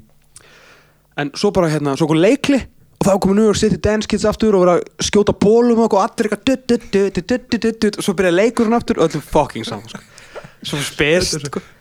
En svo getur maður alltaf bara skoppi hérna, skokkaði bara inn, á, inn í og fengið sér eitt púp eða kók eða pulsu eða hvað sem er og þarna, talandi um að finna um hjólið fór á klósettið sem, veit, þetta er kannski fyrsta sinn sem maður tala um klósettferði í þessu podcasti. En hún er mögnuð þessi saga, stutt. Í fyrir röð og það eru svona 50 mann sem undan mér. Ég er svona, ok gengur rosa rætt og, hérna, og þeir eru alveg búin að mæsta þetta. Þá sitt til þess að spara svona tvær sekundur þá satt maður við hérna handþurkugæjan og svona dugg, tók niður og sett á svona borð. Þannig að þú þurftir ekki að lendi í þú veist að þú veist hvernig þetta er að fara að skilja ná í handþurku og það er svona þrýri menn fyrir aftur að býða og þú nærðin ekki í fyrsta. Þú veist þá stressastu geð mikið upp og er svona dugg, dugg, dugg, svona rífuru og þá rífuru bara svona smá snirti og þá er þetta að taka ákvörðum um hvort að það sé nógu eða hvort þú ætlar að taka veist, reyna að ná öllu. Aldrei að pæla í þessu. Þegar bara gæði sem bara dugg, leggur á borðið. Atvinnu, atvinnu brefa ná í þeirri Ná í þeirri Já, þetta, og þetta fannst mér bara, ég, ég bara, ég gæti ekki einbytt mér að svona third quarter ég var bara að hugsa um hvað þetta var mikið snild. Mér fannst þetta, mér fannst þetta geðveitt sko. þetta er atvinnu skapandi líka. Svo er það, mm Mhm. gleymið þínum ekki ég ætla ekki að giska á, ég ætla að giska á að hann sé ekki ég ég sé ekki syndandi í selum Hvað en hann er þannig ekki, ekki göttunni Nei, það er gott. Það er heldur betur gott. En hérna Hvað hérna Já, á hérna Ég fór á New York Giants leikana. Og ég man ekki eftir við hverju að spila sko. Hvenær var rosa- Þetta var í fyrra Þetta var í Já, það skiptir ekki máli. Allar, hérna, Þar er á tala um sko Sjóið sem er í gangi þar. Það er bara fullt af hermönum hann inn á vellinum og það er, þú veist, allt, alls konar djöfusis allir að dansa og, þú veist, þetta er alveg Já. þeir kunna þetta svo svakalega. Það er bara engin döðutími þeir skal ekki leiðast. Mm saman hvernig leikurinn er. En það er svipað þarna, það var hérna þeir voru ríkala lélegir, var ekki í fyrra? Jú, þeir eru alveg möklilegir fyrir já, Og í ár. já, það bara var engin, menn voru bara ekkert að fylgjast með leiknum skilur. Og svo voru allir farni bara hérna þegar ná lestinni og komast út bílastæðinu. Svo hérna, tailgate er náttúrulega mjög mikið hann út í Ameríku þá var það þannig að hérna, já, þá er það þannig að menn mæta fyrir leikinu og er að fá sér bjór og, og grilla og Mhm. græðu gera og, og það komið veru lóvar, það voru sumir sem komast ekki svona á leikin, það eru svo fulli fyrir Já. Svo eru sumir sem lengi verið bara telgeta sko. Horfa svo bara leikin í ferðarsjónvarpi Já, eigi ekki með á völlin heldur bara, já, mæta er, saman sko. Það er grjótart sko. Það er grjótart. Sérstaklega í Boston í desember sko. Já, ísfakkin já, kall sko. það er alveg mólið sko. Og Seattle með já, jú, bara, náttúrulega bara á austu ströndunni eins og nánast leggur sig sko. já, það er maður kannski í Miami röglega fínt að telgeta það fínt, sko. Það þarf ekki að kveikja grillinu heldur bara steikinu uppi og hún grillast bara Grjótart með já, Hvað sér, hvernig fer þessi leikur? ég mun aldrei spá. Aldrei, aldrei fá mig til að spá fyrir þetta. Nei, eina leiðin fyrir mig til að horfa á hann leik er að lýsa honum sko. já, það er bara ég, ég þakka Guði fyrir það. Og það er að leiðandi vantarlega bara yfirmönnum mínum. Mm að ég hef lýst núna, ég held að sé f- byrju, hvaða hvað er hún að lýsa mörgum? Ég lýst allan 2014, 15, 16 17, 18 ég lýst með 5 súból núna í röð. Ok. Ég held, ég held sem er sjötti súból og í byrju, ég sá að vinna lísti á vinna, lísti þeim hérna, vinna Seattle náttúrulega ótrúlega hátt þegar ég náttúrulega var bara að missa alla von sjálfur Mhm. og sturglaðir svo þegar Malcolm Butler greipannin í svo var ég náttúrulega sjálfsögur búin að missa alla von í Atlanta. Já, en lísti þá ótrúlega endur komið í sögu mögulega íþrótta. Já. en skulum allavega halda okkur bara við súból í NFL til að byrja með. Ég hef aldrei séð það ef ég ekki var að lýsa þessu sko. ég hef bara, ég hef bara verið bara að gangi sjóun sko. sko ég ætlaði aldrei að taka þessu svona alvarlega sko. aldrei, ég ætlaði bara þetta átt að vera sportið sem ég gæti bara svona haft gaman að og ég horfði á minn fyrsta súbóleik 93-94 og hérna, sérst ég hefði hort á kvöldið áður, nei, daginn áður á sín, þá var hérna þáttur um reglunar í þessu. Mhm. og hérna Þormundur Bergson sem að lístur sín tíma og skrifaði um þetta í, hérna, gamla dag uh, ég, ég veit ekki hvort það var fyrsti súbólu sem var yfir höfu sindur ég bara mani hvað 93-94 og hérna ég sagt já, já, ég, ég horfa á hann þátt um reglunar sko, sem var bara eitthvað svona nýmóðins 90s grafík sko og bara vera að sína línur og og ég bara sati þessu bara hvað maður, þetta er eitthvað nýtt. Svo bara á morgun hérna verðum við með á, á sín beitni útsendingu, Super Bowl ofur skálinn klukkan eitthvað hálf tólf. Þannig ég laumast fram úr sko, eitthvað hálf tólf sit bara allan nóttina, horfa á leikin bara, og var bara hooked sko. Mhm. síðan var þetta alltaf bara Super Bowl. Það var eini leikur sem var sindur en ég horfði alltaf að velja mig bara eitt lið á hverju ári. Og bara svona og ég vissi ekki að þetta var ekkert ég, var ekkert eitthvað að lesa blöðum þannig þannig ég bara einhvern veginn mætti inn og það bara já góðan daginn nú er hérna Green Bay Packers og, og hérna árið 1996 þetta er Bowl það er Green Bay Packers og New England Patriots og að byrja skilur þá þurfti ég bara þá þurfti ég bara að fylgja hertan skilur svo bara og ég var alltaf geðveiksla investið sko bara, mm. bara brjálaði þegar liðið minn töpuð sko manni störtlaðist 99 þegar Titans náðu ekki að þá held ég með Rams. En þá var hann talað svo vel um það eru kallar hérna skemmtilegasta lið og Kurt Warner er að mæta hérna eftir að vera eitthvað í rína fútból eða í Evrópu eða eitthvað ba, ba, ba, og ég bara, wow, hvað það ekki ekki maður, ég held með þeim. Og svo var ég alveg bilaður sko. svo horfði ég á 2000 og- nei, 2001 súbóli þá, hérna, þá var ég aðeins búin að fylgja eftir tímbilinu þá fekk ég internetið Mhm. svo kallar það, ekki HTSL Er það ekki eitthvað sem er, var ekki bara eitthvað bóla? Heru, það hefur verið helviti langlíft. Það var maður eitthvað svona maður kíkti eitthvað svona mótum eitthvað við og við svo fekk ég að ADSL þarna þetta tímbil og þá var maður alltaf á netinu náttúrulega. svo var maður bara búið með internetið eftir þrjármyndur Mhm. og bara hvað, hvað síðu að fara næst? Það er bara NFL og ég hef eitthvað hort á það. Hvað ætla sér að gerast þar? Og þá var sem sagt Tom nokkur breyti að taka stöðuna af uh, honum hérna kallið sem ég man ekki nafnið akkurat núna. Og er hérna Tom Brady hérna, rookie sensation eitthvað da, da, da, og, og ég á, wow, Tom eitthvað hérna, það saman og ég næstu og Mhm. er í Patriots, það er ekki ekki þá pældi ég ekkert meiri því þannig. Svo er bara komið time og þá er Patriots mætt en á móti St. Louis Rams. Já, þá voru góður á dýr en ég stökk á Patriots og Brady vagnin ekki sé eftir því síðan. Naflin, naflin nafnin og nafnið á liðinu sem ég var cool. Já, en ég hérna sko eins og ég segi, þetta átti bara þetta átti að vera svona sporti sem ég gæti bara horta á til að horfa tókst ekki alveg. Nei, Getur ekki að horta á, er, verður ég verð sturlaður sko. Já. ég bara, ég verð svo stressaður og þú veist, eins og svona ef ég get ekki horta á Patriots leiki þú veist, á svona nætunar þú veist, ef ég er á svona sent á nætunar ég kannski var að vinna snemma og ég bara, nei, ég er ekki fara að horfa þetta ég horf bara á þetta condensed í fyrirmáli eða eitthvað. Þá bara ég sopna ekki eða, sko, bara hvað ætli sé að gerast svo þegar ég vakna á móðana, gríp ég síman og ég bara, ég tetra og svo bara sé ég vinna og ég bara, yes. Þú veist, ég ætla aldrei að taka svona alveg. Ég veit að fólk hefur ágjör þetta verði eitthvað eitthvað, verði eitthvað hlutdrægur engar ágjör sko, Nei. ég listi mörgum leikjum í liðin sem ég held með sko.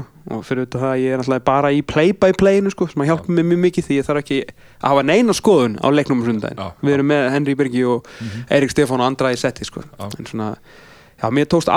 þetta ekki skipta með neinu máli. En var þetta þá erfitt Þetta var erfitt tíma með núna, eða ekki?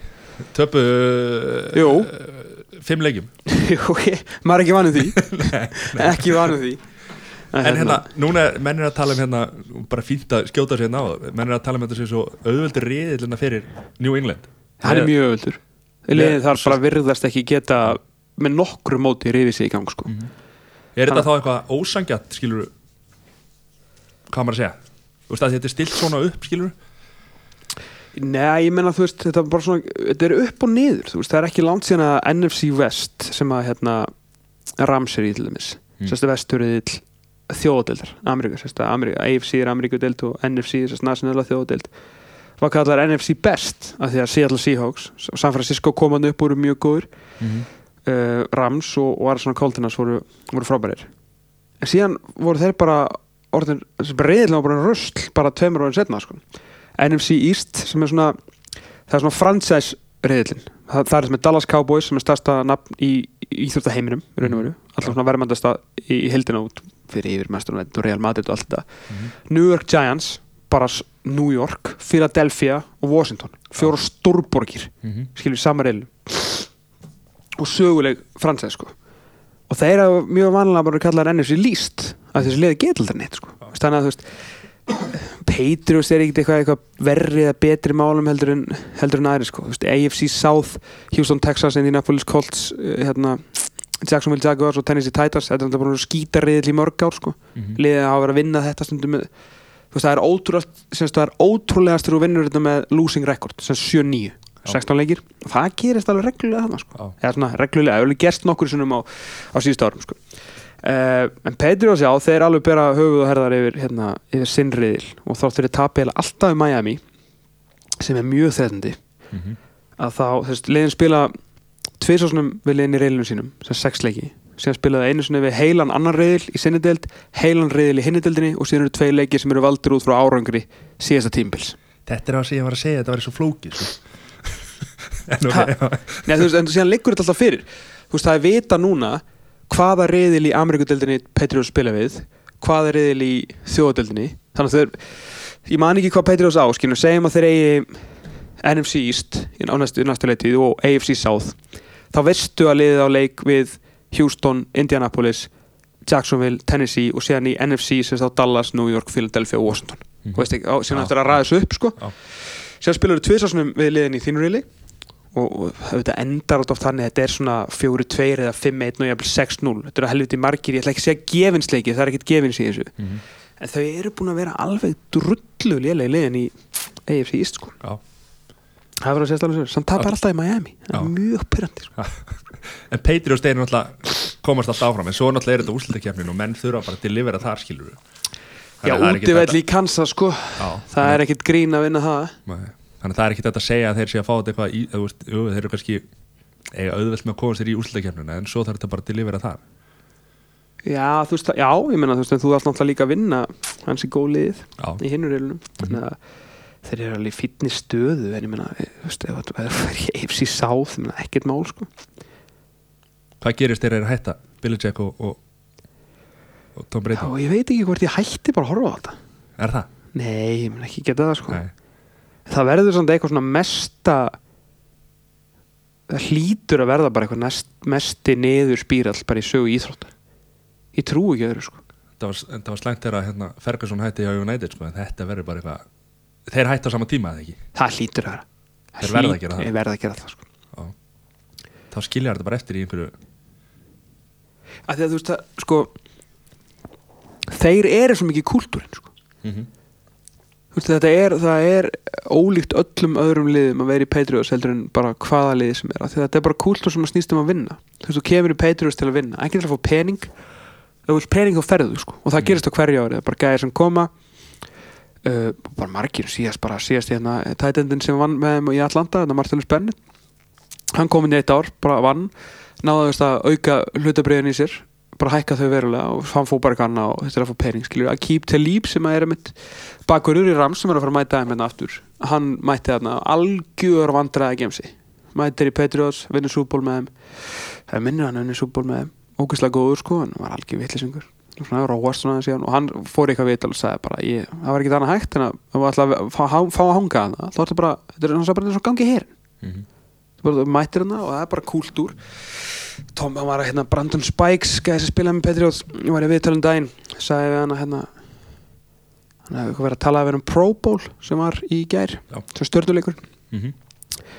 Tom Brady náttúrulega valin oft í Pro Bowl hann bara spilar aldrei því hann er alltaf upptekinn í Bowl sko. Já, og, ég ætla að spyrja aðeins út í það eftir en já, já, og þá sagði bara bara I'm not doing this shit to make fucking Pro Bowls we're here to win sko. mm Þannig að hann er ekkert að leggja allt, allt á sig til að fara í einhverja ferð til Hawaii einu svona ári í einhvern grínleik og kast í vegg sko.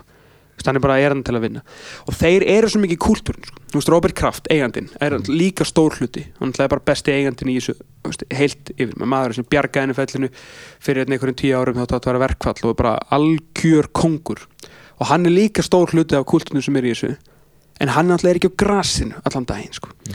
og þegar þessir menn hætta að þá verður til dæmis og Josh Mc- Josh McDaniels sem er sóknarþjálfarinn sem er bara einnig eftir sóttasti þjálfarinn í dildinni sem búið að bjóða henni núna samninga alveg ára aftur ára aftur ár þú veist, hann er svona gæði sem hann geti kannski haldið áfram, en hann verður líka löngufarinn og það er alveg þú veist, Patriots þjálfara hann gera flotta hluti í Tennessee Mike Rabel sem er fyrir undir linebacker.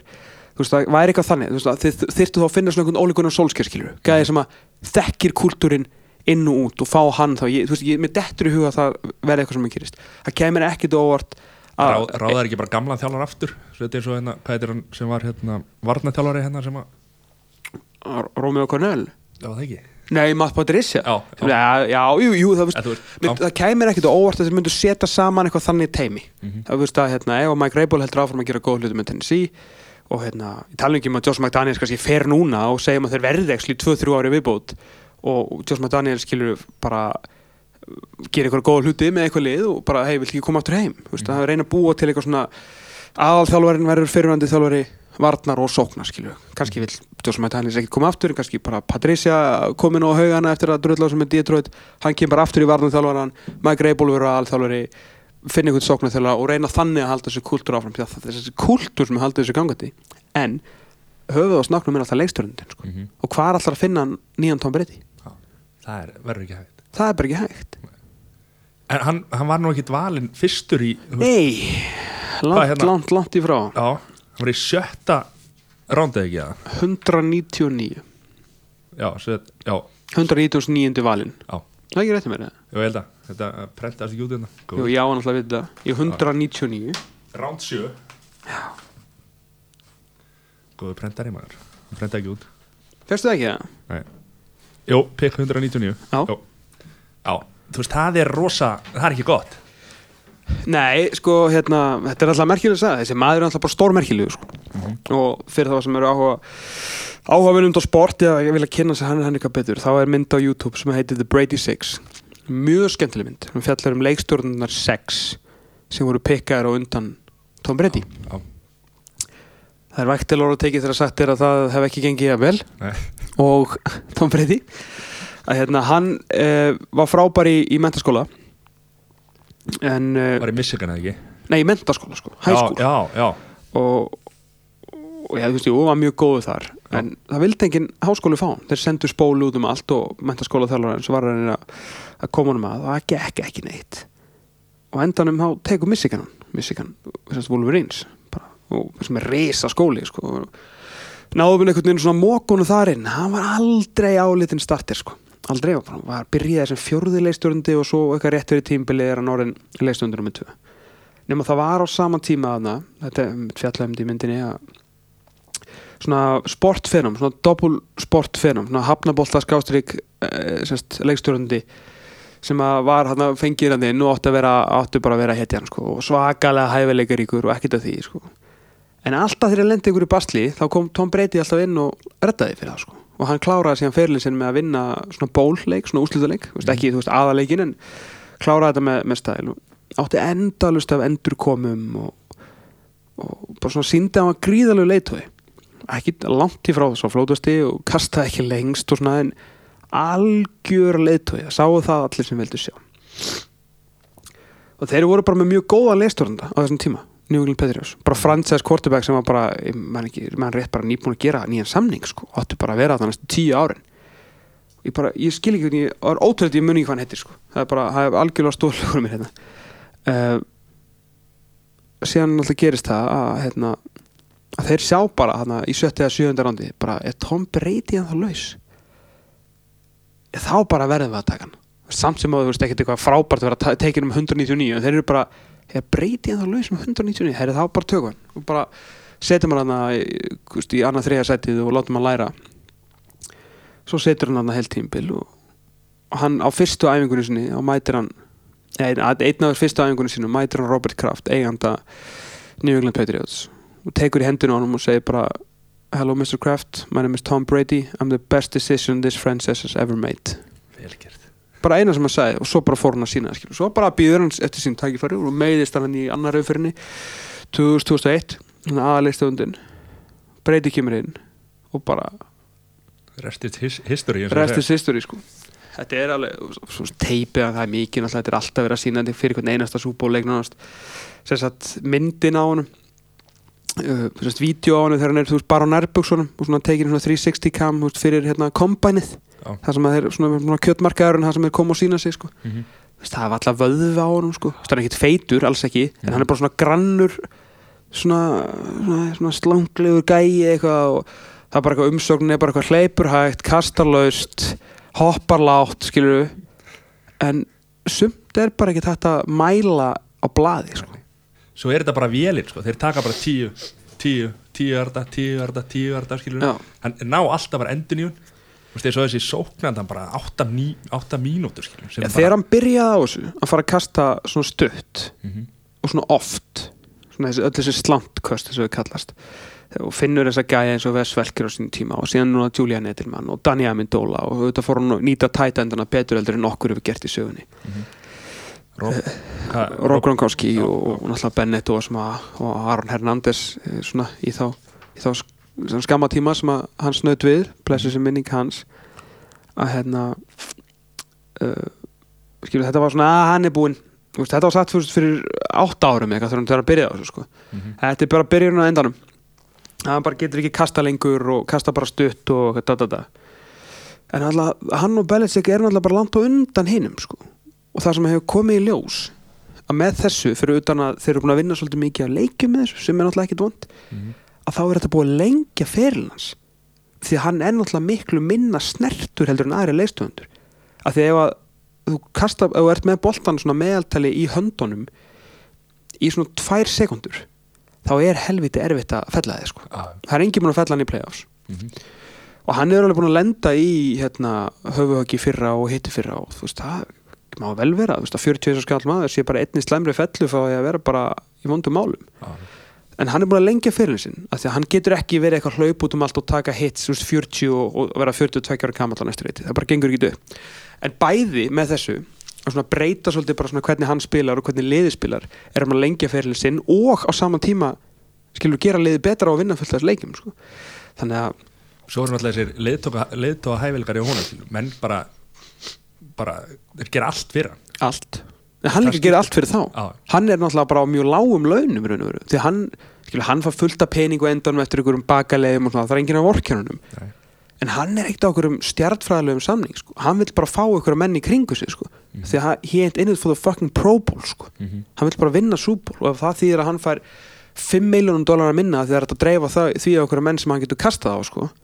gleymið því ekki að hann er svona tvísvar, þrísvar á ferlinu búin að vera með einhvern mann sem getur í alveg kasta og hann vann ekki einu svona árið sem hann var með sko top 5 besta vætrisýður í sögunni Mhm. og það fóru náttúrulega á töpu þessu fyrir þessu ógíðis hann New York Giants rusli hann og þeirri hefni sem að þar fylgdi sko. Mhm. og hérna þannig að þetta er náttúrulega alveg bara stór merkileg bara merkileg saga hjá, hjá honum og hvernig bara hvernig anskotar með þessi maður nennir þessu Mhm. hvað dræfar hann áfram þetta er, bara, þetta er náttúrulega bara rannsóknarefni sko, hann er náttúrulega bara eitthvað veikur. En eins og segir, það er ekki peningar það er ekki set, ég veit ekki það, Nei, konan svo líka fullt af peningum sko, þau eru er bara, bara- mjög vel stæð sko, þau þurfi ekki að hafa neinar áhyggjur. Það vantar ekkert um það ég hérna Nei, hvað ef hún væri bara Jújú, jú, ok, þú veist hann þarf núna að sanna að hann getur unni súból aftur eftir að vinna, tapa fyrir Philadelphia fyrra. Mhm. og gleymi því ekki að hann gerði meira en nóg til að vinna Philadelphia fyrra. Mhm. vörnin þurfti eitt fucking stopp og þá eru þeir, þú veist, þá væri rekordið hans 6-2, ekki Já. 5-3 sko. Þa, það er munar svona litli í þessu sko. og það er bara, það, veist, það er náttúrulega máli í þessu, það er stutt á milli það er núna, það er einn algjör vittlisingur sem að fjallar um bandaríkir eh, bandaríkir, fjallar um íþróttir í bandaríkir sem er Rob Parker, bara heimskasti maður á plánundinu jörð og hann kallar Tom Brady ekki the goat, heldur the load, the luckiest of all time Já. og tiltekur svona einhver atvik sem hefði getað breytt skilur ferlinum bara svona möndlinum sko. uh, og það er alveg, þú veist, ímislegt skilur það er mjög einfaldur punktur to make, sko, að þegar ta- eins og nú tók hann bara síðast interceptionið á múti Kansas City Mhm. og þegar hann fær gæinn sem sagt að hann alltaf klálega kastaði boltana frá sér leikurinn bara búinn en einhver hérna auðlinn í Kansas City var, offside Mhm. og bara viti og þeir held áfram að skora Já. ok sko Tom Brady eða Bill Belichick sögðu ekki manninum að line up offside sko. Hann gerði mistök og þetta eru mistök sem að Tom Brady og Bill Belichick leif ekki hinum megin. Ef þú spilar hvað hva, í hvað skipti er þetta sem að fer í ústileik þetta er bara eitthvað 15-16 skipti þetta er bara eitthvað algjör þvæla. Að ef þú spilar svona stóra leiki Under the Bright Light svona oft þá munur hluti skilur koma fyrir þig sem munur skilur hafa stór áhrif á, á þinn feril. Þú mundur að heppið og mundur að óöpin skilur þessi sami fábjörni Rob Parker, hann minnist aldrei á The Helmet Cats. Nei, eða the, hérna hvað, Pennington eða hvað sem þessi hérna New York White Getur Receiver ekki eitthvað að stimpla svona Nei, skilur, þú veist, Já, ef að Gaurin hefði ekki grepið boltan á hjálminum á hérna, New York hefnin, sko þú veist, þá hefði Patriots unnið þannleik. Mhm. ef að Eli Manning hefði ekki klárað þetta ótrúlega kasti þessi leiknum sem unnið síðan aftur unnið tvisvar í röð þú veist, þá hefði Patriots unnið þannleik og hann hefði verið sko 5-0 Mhm. mm að samanskapi og síðan, þú veist, náttúrulega er ekki svona hægt að með við Malcolm Butler yngrippið því að það var bara æft. Þeir voru búin að lesa það í æfingu fyrir vikuna, skilur, og sáu bara þá þú veist, það var engin heppni í því. En þegar þú spila svona marga leiki þá ertu heppin stundum og óöppin stundum sko. Mhm. og auðvitað hafa fullt að leiki fullt af svona hlutum fallið með Tom Brady en þeir hafa líka alveg ekki fallið með honum eins og öllum öðrum sem hafa spilað þetta á svona háu level í svona mörg ár sko. Nei, meni, þú ert heppnar ef þú ert, þú ert, ert nóg góður þá ertu heppnar, það er meiri heppni með þér þegar þú ert, þú veist, ert að delivera á Já, það hefur ekkert lið í sögunni sem hefur spilað á móti Brady og Patriots sagt eitthvað já við vorum heppnir þarna að þeir fengi á sig þetta viti og þess vegna unnum við leikin Mhm. því að svona hlutir gerast ekki þegar þú spila fyrir New England Patriots í loka sók þegar allt er undir þá stendur enginn fyrir framann bardælinu sko. þetta gerist bara ekki en þarna ertu bara með ekki af góðan þjálfara ekki af reyndan leikmannahóp ekki sama kultúr og einhvern leikmann sem að getur ekki bara verið réttum með við línuna í þýrleitt mikilvæga play sko. Þetta er líka hluturinn ef við fyrir sér að vindum okkur allaleg tilbaka í kultúrin sem að fer með Belichick og Brady sko. Þess vegna verður þetta þá koma kannski þessi litlu minnstök sem eru svo ógislega dýr Mhm. á svona momentum því að er auðvitað hafði þetta þvílík áhrif ef þetta yngripaði talið þá er þetta þrjú interception í ústaleik Amerikudeldarinnar þeir tapa leiknum og þá er einhvern veginn narratíf bara end, endanum bara, "Ah, er það búinn? Mhm. er hann það búinn? og þá þarf hann að spila í 15 ári viðbót sko. þá er hann fyrir að koma inn á hjólastól sko. og það er vesen það er veisend, ég, hérna, já, ég er auðvitað mikill breytið með það sko. en það er líka rosalega svona fólk þegar hún er svona miklum árangri þá náttúrulega verður náttúrulega automatist bara mjög, mjög hataður. Já, ég, og náttúrulega þú veist þeir náttúrulega hafa uppið sér að, hérna, svindli einu sinni og síðan náttúrulega ekki svindli sem að samt dæmt svindli menn hann dæmdur í bann fyrir svind sem náttúrulega, náttúrulega bara eitthvað sorglegast að saga í, í bara sem bandar í krymít og þess að hvernig máli var tekið náttúrulega bara djók frá uppáðu til enda. Uh, hérna, með þetta deflategate hérna dæmi. Það var, þeir, var eh, loftið í boltanum ekki sem Jú, var hérna já, í leik sér unni 51-7 eða eitthvað sko. Það var náttúrulega skipti helviti miklu máli. Já, fyrir utan að þú veist það er náttúrulega bara NFL deildinu og bara auto get them og hérna þetta er ekkert bara einhver fan að segja bara lesa eitthvað til um þetta og náttúrulega bara þegar skýslan rannsóknar skýslan kemur sem er náttúrulega bara gerð af bara maður sem er bara á vinnu fyrir Roger Goodell sem hatar Patriots og harlega vita að, hérna hann sérst ef þú ert að leita, ef þú veist hverju þú ætlar að leita þú veist hvað þú ætlar að finna þá finnur það sko. Svo bara stíl, færir í stíli eins og, eins og þart og náttúrulega bara hérastómur og í, í hérna í bandaríkjunum sem var tekið fyrir náttúrulega bara skeindi sig með þessu. Þetta bara verið mesta djók sem að til er en einhvern veginn tókst þeir samt að dæma hann í bann. Mhm. þannig að þeir eru undir að hata þetta á því og hata þetta spæk þetta á sín tíma. Þeir eru náttúrulega lagt litið mikið það að vinna svona marga leiki en, en það sem að og fólk má alveg hata Tom Brady eða vill sko. Eða vill hérna, ég meina ég er engin einhver Lebron James aðdáandi sko sem er Mhm. Alveg jafn furðulegt og, og kannski einhver hatar ég, ég ætla að hata ekki Lebron James en ég er svona, hef ákveðan, veist, ekki íþróttamæður algjörlega magnaður, Mhm. gjörsamlega magnaður trendsetting leikmaður og bara persón líka sem hann gerir með hann á skóla sinn og allt sko, það þarf ekkert að fara að fjölur um hversu ótrúlegur maður hann er.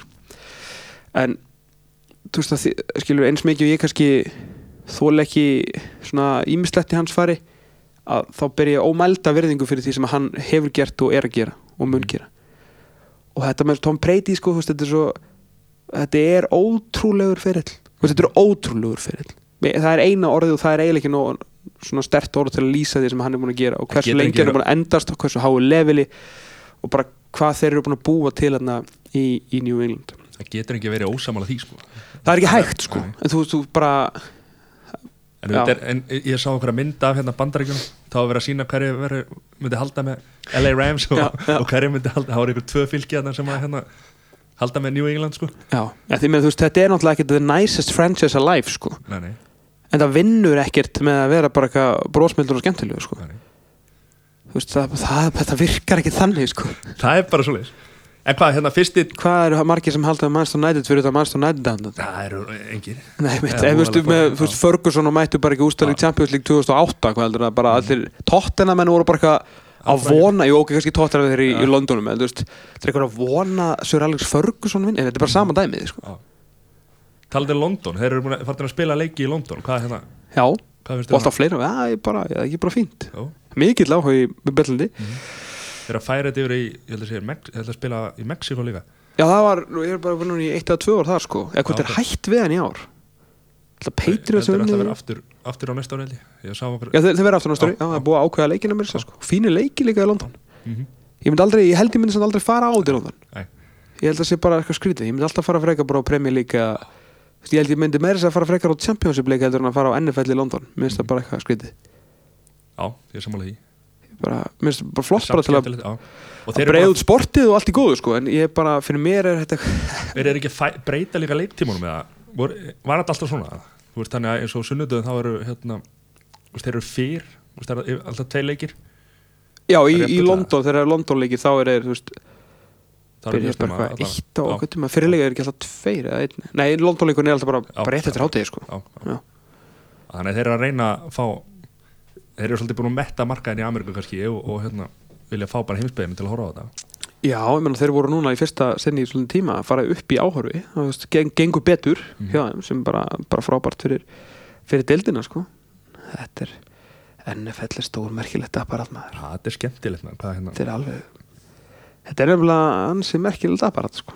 Nú spila þetta helviti lengi sko. Þetta er nefnilega, Sammenning deilda og svona sko. Þetta er, er snild maður. Hvað er hérna? Gerard Goff. Jared Goff? Þú veit ekki Tom Brady er betri, já. Tom Brady er betur en allir þannig að automatist er hann betur en Jared Goff þannig að það segir svolítið sjálft. Já, Nei, þetta, er- er flottur strákur. Ég, hérna, ég hef alltaf svæði fyrir hérna, gaurin sem að fá að spila heima. Hann er Kaliforníu strákur og var í Kaliforníu. Hann er 25 ára árinu. Já, var í hérna, Golden Bears skólunum mm -hmm.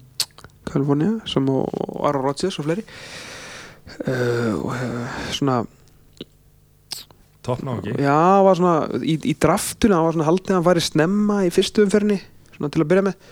Ekki að myndi fara nummer eitt hann Þetta svo, getur verið svolítið superficial sko, svona, talaði með smá svona, smá svona lisp svona Já. til að svona, gera hann ekkert mikið lengur þannig að fara þetta í eitthvað. Þannig að það var eitthvað svona að taka niður þetta var eitthvað skrítið. Það máli skipti já, svo, já, skiptir allt og svo hérna uh, gekk honum eitthvað illa í svona nokkrum prófum og svona viðtölum. En svo svona fór hann út í kompanið og bara kastaði boltanum. Og það var svona, já, já, þetta er kannski það sem hann skipti máli á endanum, sko. Þannig að hann endaði bara að vera draftaða nummer eitt og átti mjög erfitt fyrsta tímbil náttúrulega liði gæti ekki neitt og hann með hörmulega þjálfara og svo lagast þetta nú aðeins og hann er bara, þetta er hrikalega flottu gæði og er bara sá sem að þeir heldu að hann væri, sem er Já. gaman hann er Já. ekki böst, langt í frá Mhm. menn ég held að hann veri böst á fyrst tímbili en, en, það er ekkert allir sem fá svona annan sen sko, og líka gott fyrir annan þjálfærin var Reygin hérna 2014 14, 15, já, 14 alveg nei, hvernig kemur hann inn til þess 2016 segi ég, Já. já, Já. 2016 og hérna þannig að hann, eh, ef hann vinnur núna eða veist, vinnur eitt mann setna þá myndi ég alveg horfa á svona 55 minúta heimildamindum Jared Goff sko mm -hmm. það er merkilega strákur, mjög skemmtilur svona outgoing og, og bara svona mikið lífi kringum hann það er engin svona þetta er engin fílukall sko, Nei. gaman hann ég er mjög gaman á En LA Rams, eru þeir meira sóknarlið eða varnarlið? Hvernig, hérna, hvernig heldur þessi leikur spilist? Úrslaleik eða sett Super Bowl ég veit það ekki, ég bara verða ekki ég þeir eru, ég held að sé ekki að prættir við að, að hann sem er boltan í höndunum en þeir eru með mikið af opnum. Mm -hmm. þeir eru með mjög mikið af opnum.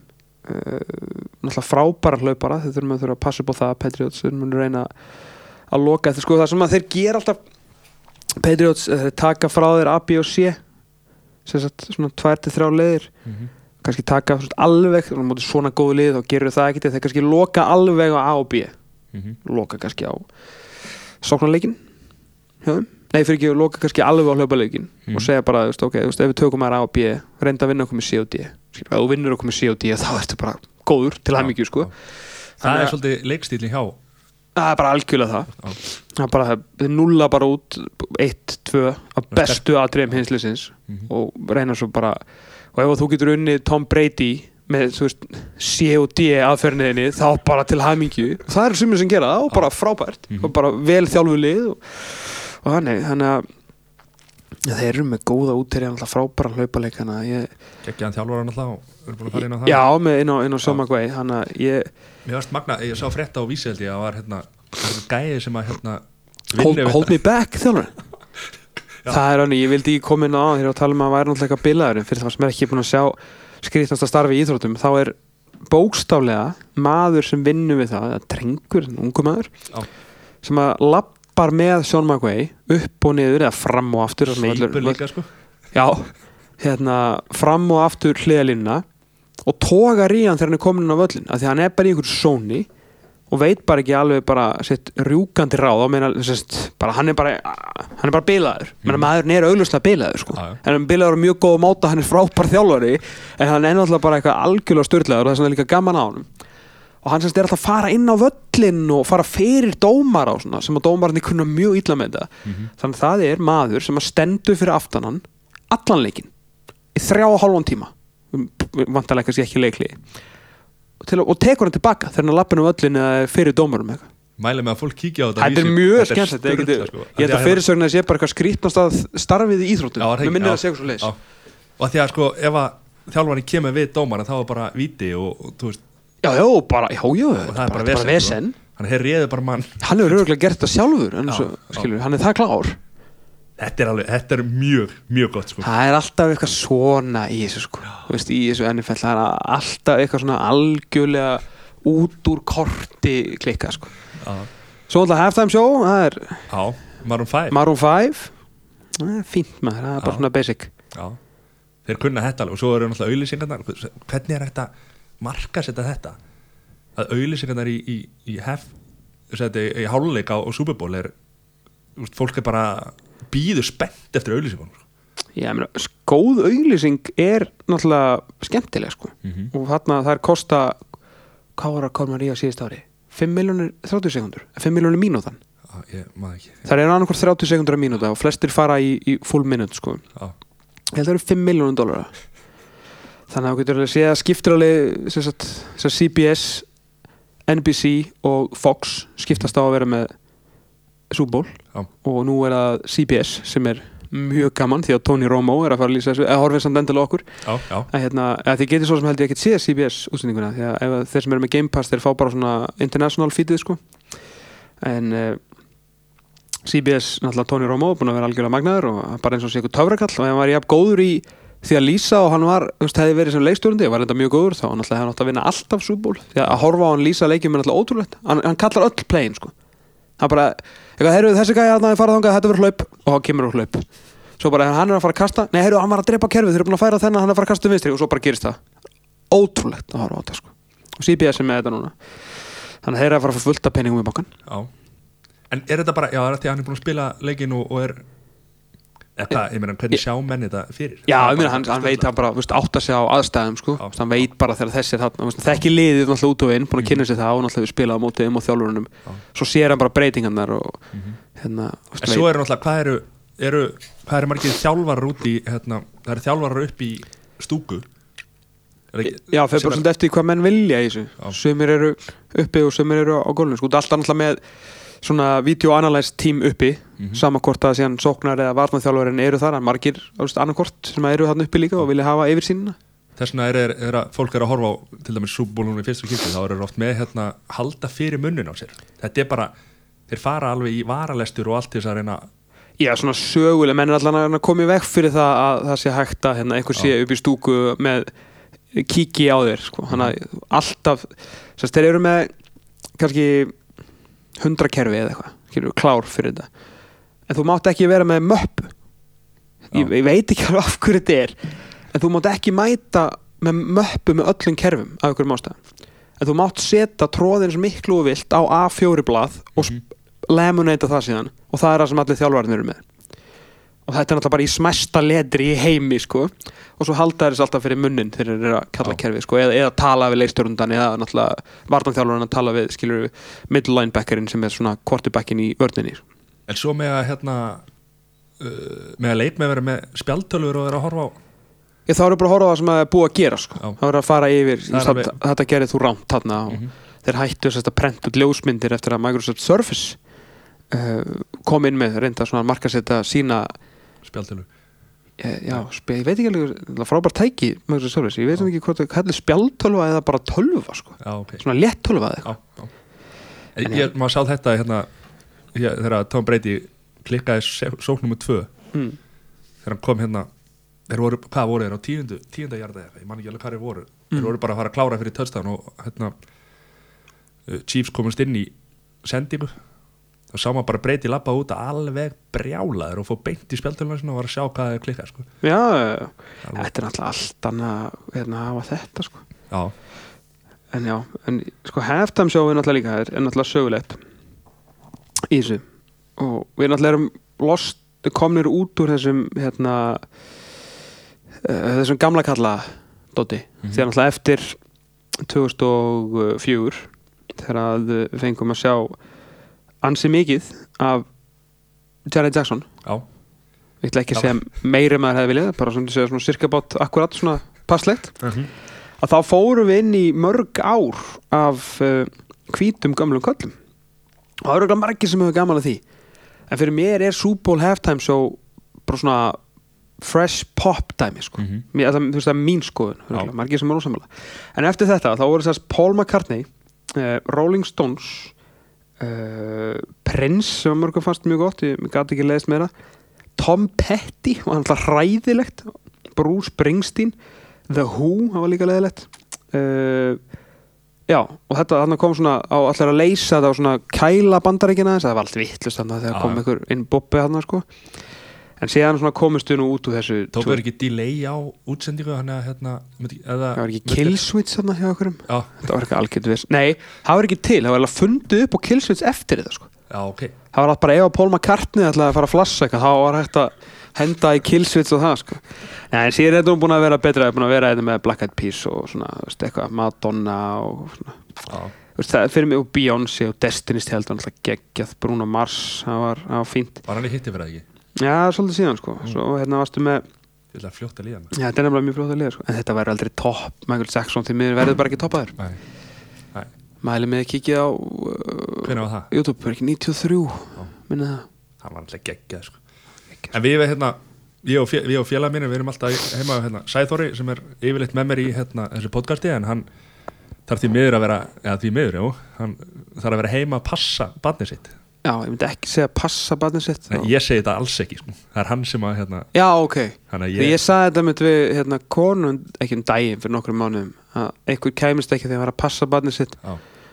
og þá var, já ég myndi aldrei segja þetta ég, hef, þú veist, ég, Já, er, ekki, ok, ok. ég er ekki vondi maður sko. Þetta er bara það sem hann segir skilur, og, hérna, já, ok en hann Af því ég er bara með meðvirkum með öllum kallmönnum sem segja þetta í dag eftir að ég fekk já, sagt, já, það er raun fekk, fekk pistilinn sko. Já. og eðlilega, maður, maður vissi ekki betur. ég myndi aldrei segja þetta. Ok, en hérna, hann segir þetta ég, en við hérna höfum alltaf hort á hérna í, hann er með hérna menkefi í skúrni á sig sko, og Já, þar ok. förum við og horfum á hérna súból ok. Og hérna fyrir tveimur ára síðan ekki þegar hérna Atlanta New England voru, mm Mhm. ekki tvö ára síðan þá voru allir bara að þetta er búið, þetta er búið, þetta er búið hver er lið af? ég, hver, ég sagði, var svo eini sem sagði að hérna, nei, nei, ég er ekki að fara heim núna sko engum kemur- máli þó það verið búið Nei, þú ert það. með útivistarleifi á að sunnundaskvöldi þá að ferði ekkit heim sko. en strákandi voru allir bara ég, ég, voru að spáða að fara heim ég sagði nei, nei, nei, Tom Brady kemur tilbaka og það er enda miklu meira baller heldur en að bara alltaf þrauka til að fá sér tóþjóra bjórið viðbót, sko. en við auðvitað fá okkur nokkra bjóra já, sjálfsögðu og, þetta og hver, er- hver er trúður? Allir það? já, það fór ekki heim og svo bara hversu mikið kongur varst þú í lókvöld? ég, bara allan, allan tíma síðan hann til að menn fara að hlusta á þetta podcastin og heyra það, ég veit ekkert um menn en, hérna, en ég er hérna í þessi vinahóp er ég bara kongurinn og veit allt um NFL sko, en já, meina, Þú kallaði þetta. Já, já. Þá voru svo margir sem á að tala við daginn eftir sem voru bara það langaði bara að gangi sjóin sko. já, fóru bara heim og Eitt svo- íþrótta áhuga maður sem við veitum og svona hérna, Friðrik Ingi Rúnarsson Mhm. fyrir hann þjálfur að Njarvíkur og Keflavíkur og Grindavíkur og landsins Körfólta, algjör öðlingur. Hann, hérna, hann sopnaði og, og ég held ég verið að tala við hann að skömmu hvort ég tekið viðtalið hann bara eitthvað skömmu síðar. Hann var hérna hann var að byrja að þjálfa að eða eitthvað. Og hann var alveg bara og rumskaði bara eitthvað í overtime bara ha, hvað er að skilja ha ég man hérna þegar maður alltaf horfa á boxi í gamla dag og sín sko, þá var hérna Bubbi og Ómar voru. Já, það vaknaði maður alltaf þegar Mike Tyson var að byrja að boxa sko, því að hann er byrjað Já, það er alltaf svo mikið. Já við vorum alltaf hérna, reyndum alltaf að gera bara kvöld úr því. Það var alltaf bara partí og eitthvað. Já, það var hérna, það var pantaður sko úrvalslandin Mhm. og, og hérna, og það var það var alltaf kvöld og það var mikið Tyson pepp, það engin áhuga þessu. Það voru allir til þess að Tyson. Og svo prins Nassim Hamed maður. Já. hann var sturlaður sko. Hvert fór, hann vann 30 í barða eitthvað og svo bara hann var hætti tveimur held ég á hætti að þú googlar hann í dag þá er hann spik feitur sko. nei, Jú, geggja sko, hann er svo lítill sko. Vá, hvað Er að það ég held bara hann að einu svona, hann kom ekki, hann kom eitthvað inn á töfrateppi eitthvað Jú, ég var að spáði hvort töfrateppi er bara farið úr langt Farið. hann hefði bara endað í Persíu Já. en svo Já. tók hann alltaf, tók hann alltaf svona hérna, heljarstökk yfir, yfir hérna, já, já, það var allir að býða Kalana? mista, mist, mistakast legend Tyson það voru Já. Herra, það er að koma hérna bíómynd með honum. Var hérna, hann var í podcasti á Joe Rogan en daginn og já, það var sturla podcast sko. Þegar ég hef eftir að hlusta á, ég hef að það hefur verið mjög gott sko, þá var hann hérna hann spurði hann út í hérna tígristýri sem hann átti. Já, þá sagði hann átti í 13 eða 19 ár mann ekki alveg hvort. Og hérna, hann var í fangilsi og það var eitthvað gæði sem var í fangilsinu og var að hérna treyta sér einhverju bíl upp í hest og það er hún spurði bara hvað er hérna, af hverju þetta treyta þessu?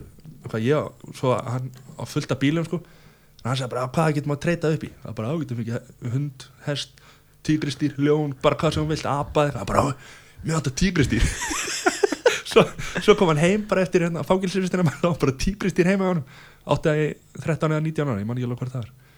Ok, það er það er geðvikt tölvert áhuga að vera þetta podcast. Mm -hmm. því miður. Herri, er eitthvað að lókum? Nei, ég held ekki. Ég er bara uh, hérna setni bylgin aftur á stað á fimmtudaginn við erum með hvernig þátt uh, svo á mándaginn þá byrja strakkutur aftur. Mm -hmm. þannig að nú er bara er 8 á þætti við tókum 14 fyrir ármót, það er 8 um fyrir eftir og nú fyrir minn í playoffs þannig að það er svona sem er á döfinni hjá mér. Annars, uh, bara annars var nú ekki mikið fleira. Ég er að fara heima að elda löngu. Já, kefti löngu í japansku raspi í fyrstbúðinni Hafberg já, japansku raspi. Já, hver er munum á því og Ísland ekki hugmynd. Ok, það stóð bara á miðanum og leit vel út. Bara geggja. Sætt kartablu franskar og eitthvað þannig að ég þarf að fara heima að elda það. Já. og ég er svona vonast til að ég sagðist ekki geta vaskað upp á henni fór. Mm -hmm. og fekk reynd á það. Og svo sagði konan hérna ég, alltaf, ég get líka bara gert það. Ég er eitthvað, nei, nei, nei, þetta er á minni ábyrð ég bara ger þér ekki um heim. Mikið sem ég er að vona á hans ég búin að því þegar ég kem. Það verður að koma í ljós. Hann er bara að kemur ljós, ég kem í annar pokast og segja frá því. Takk kjalla fyrir komuna. Takk fyrir búinni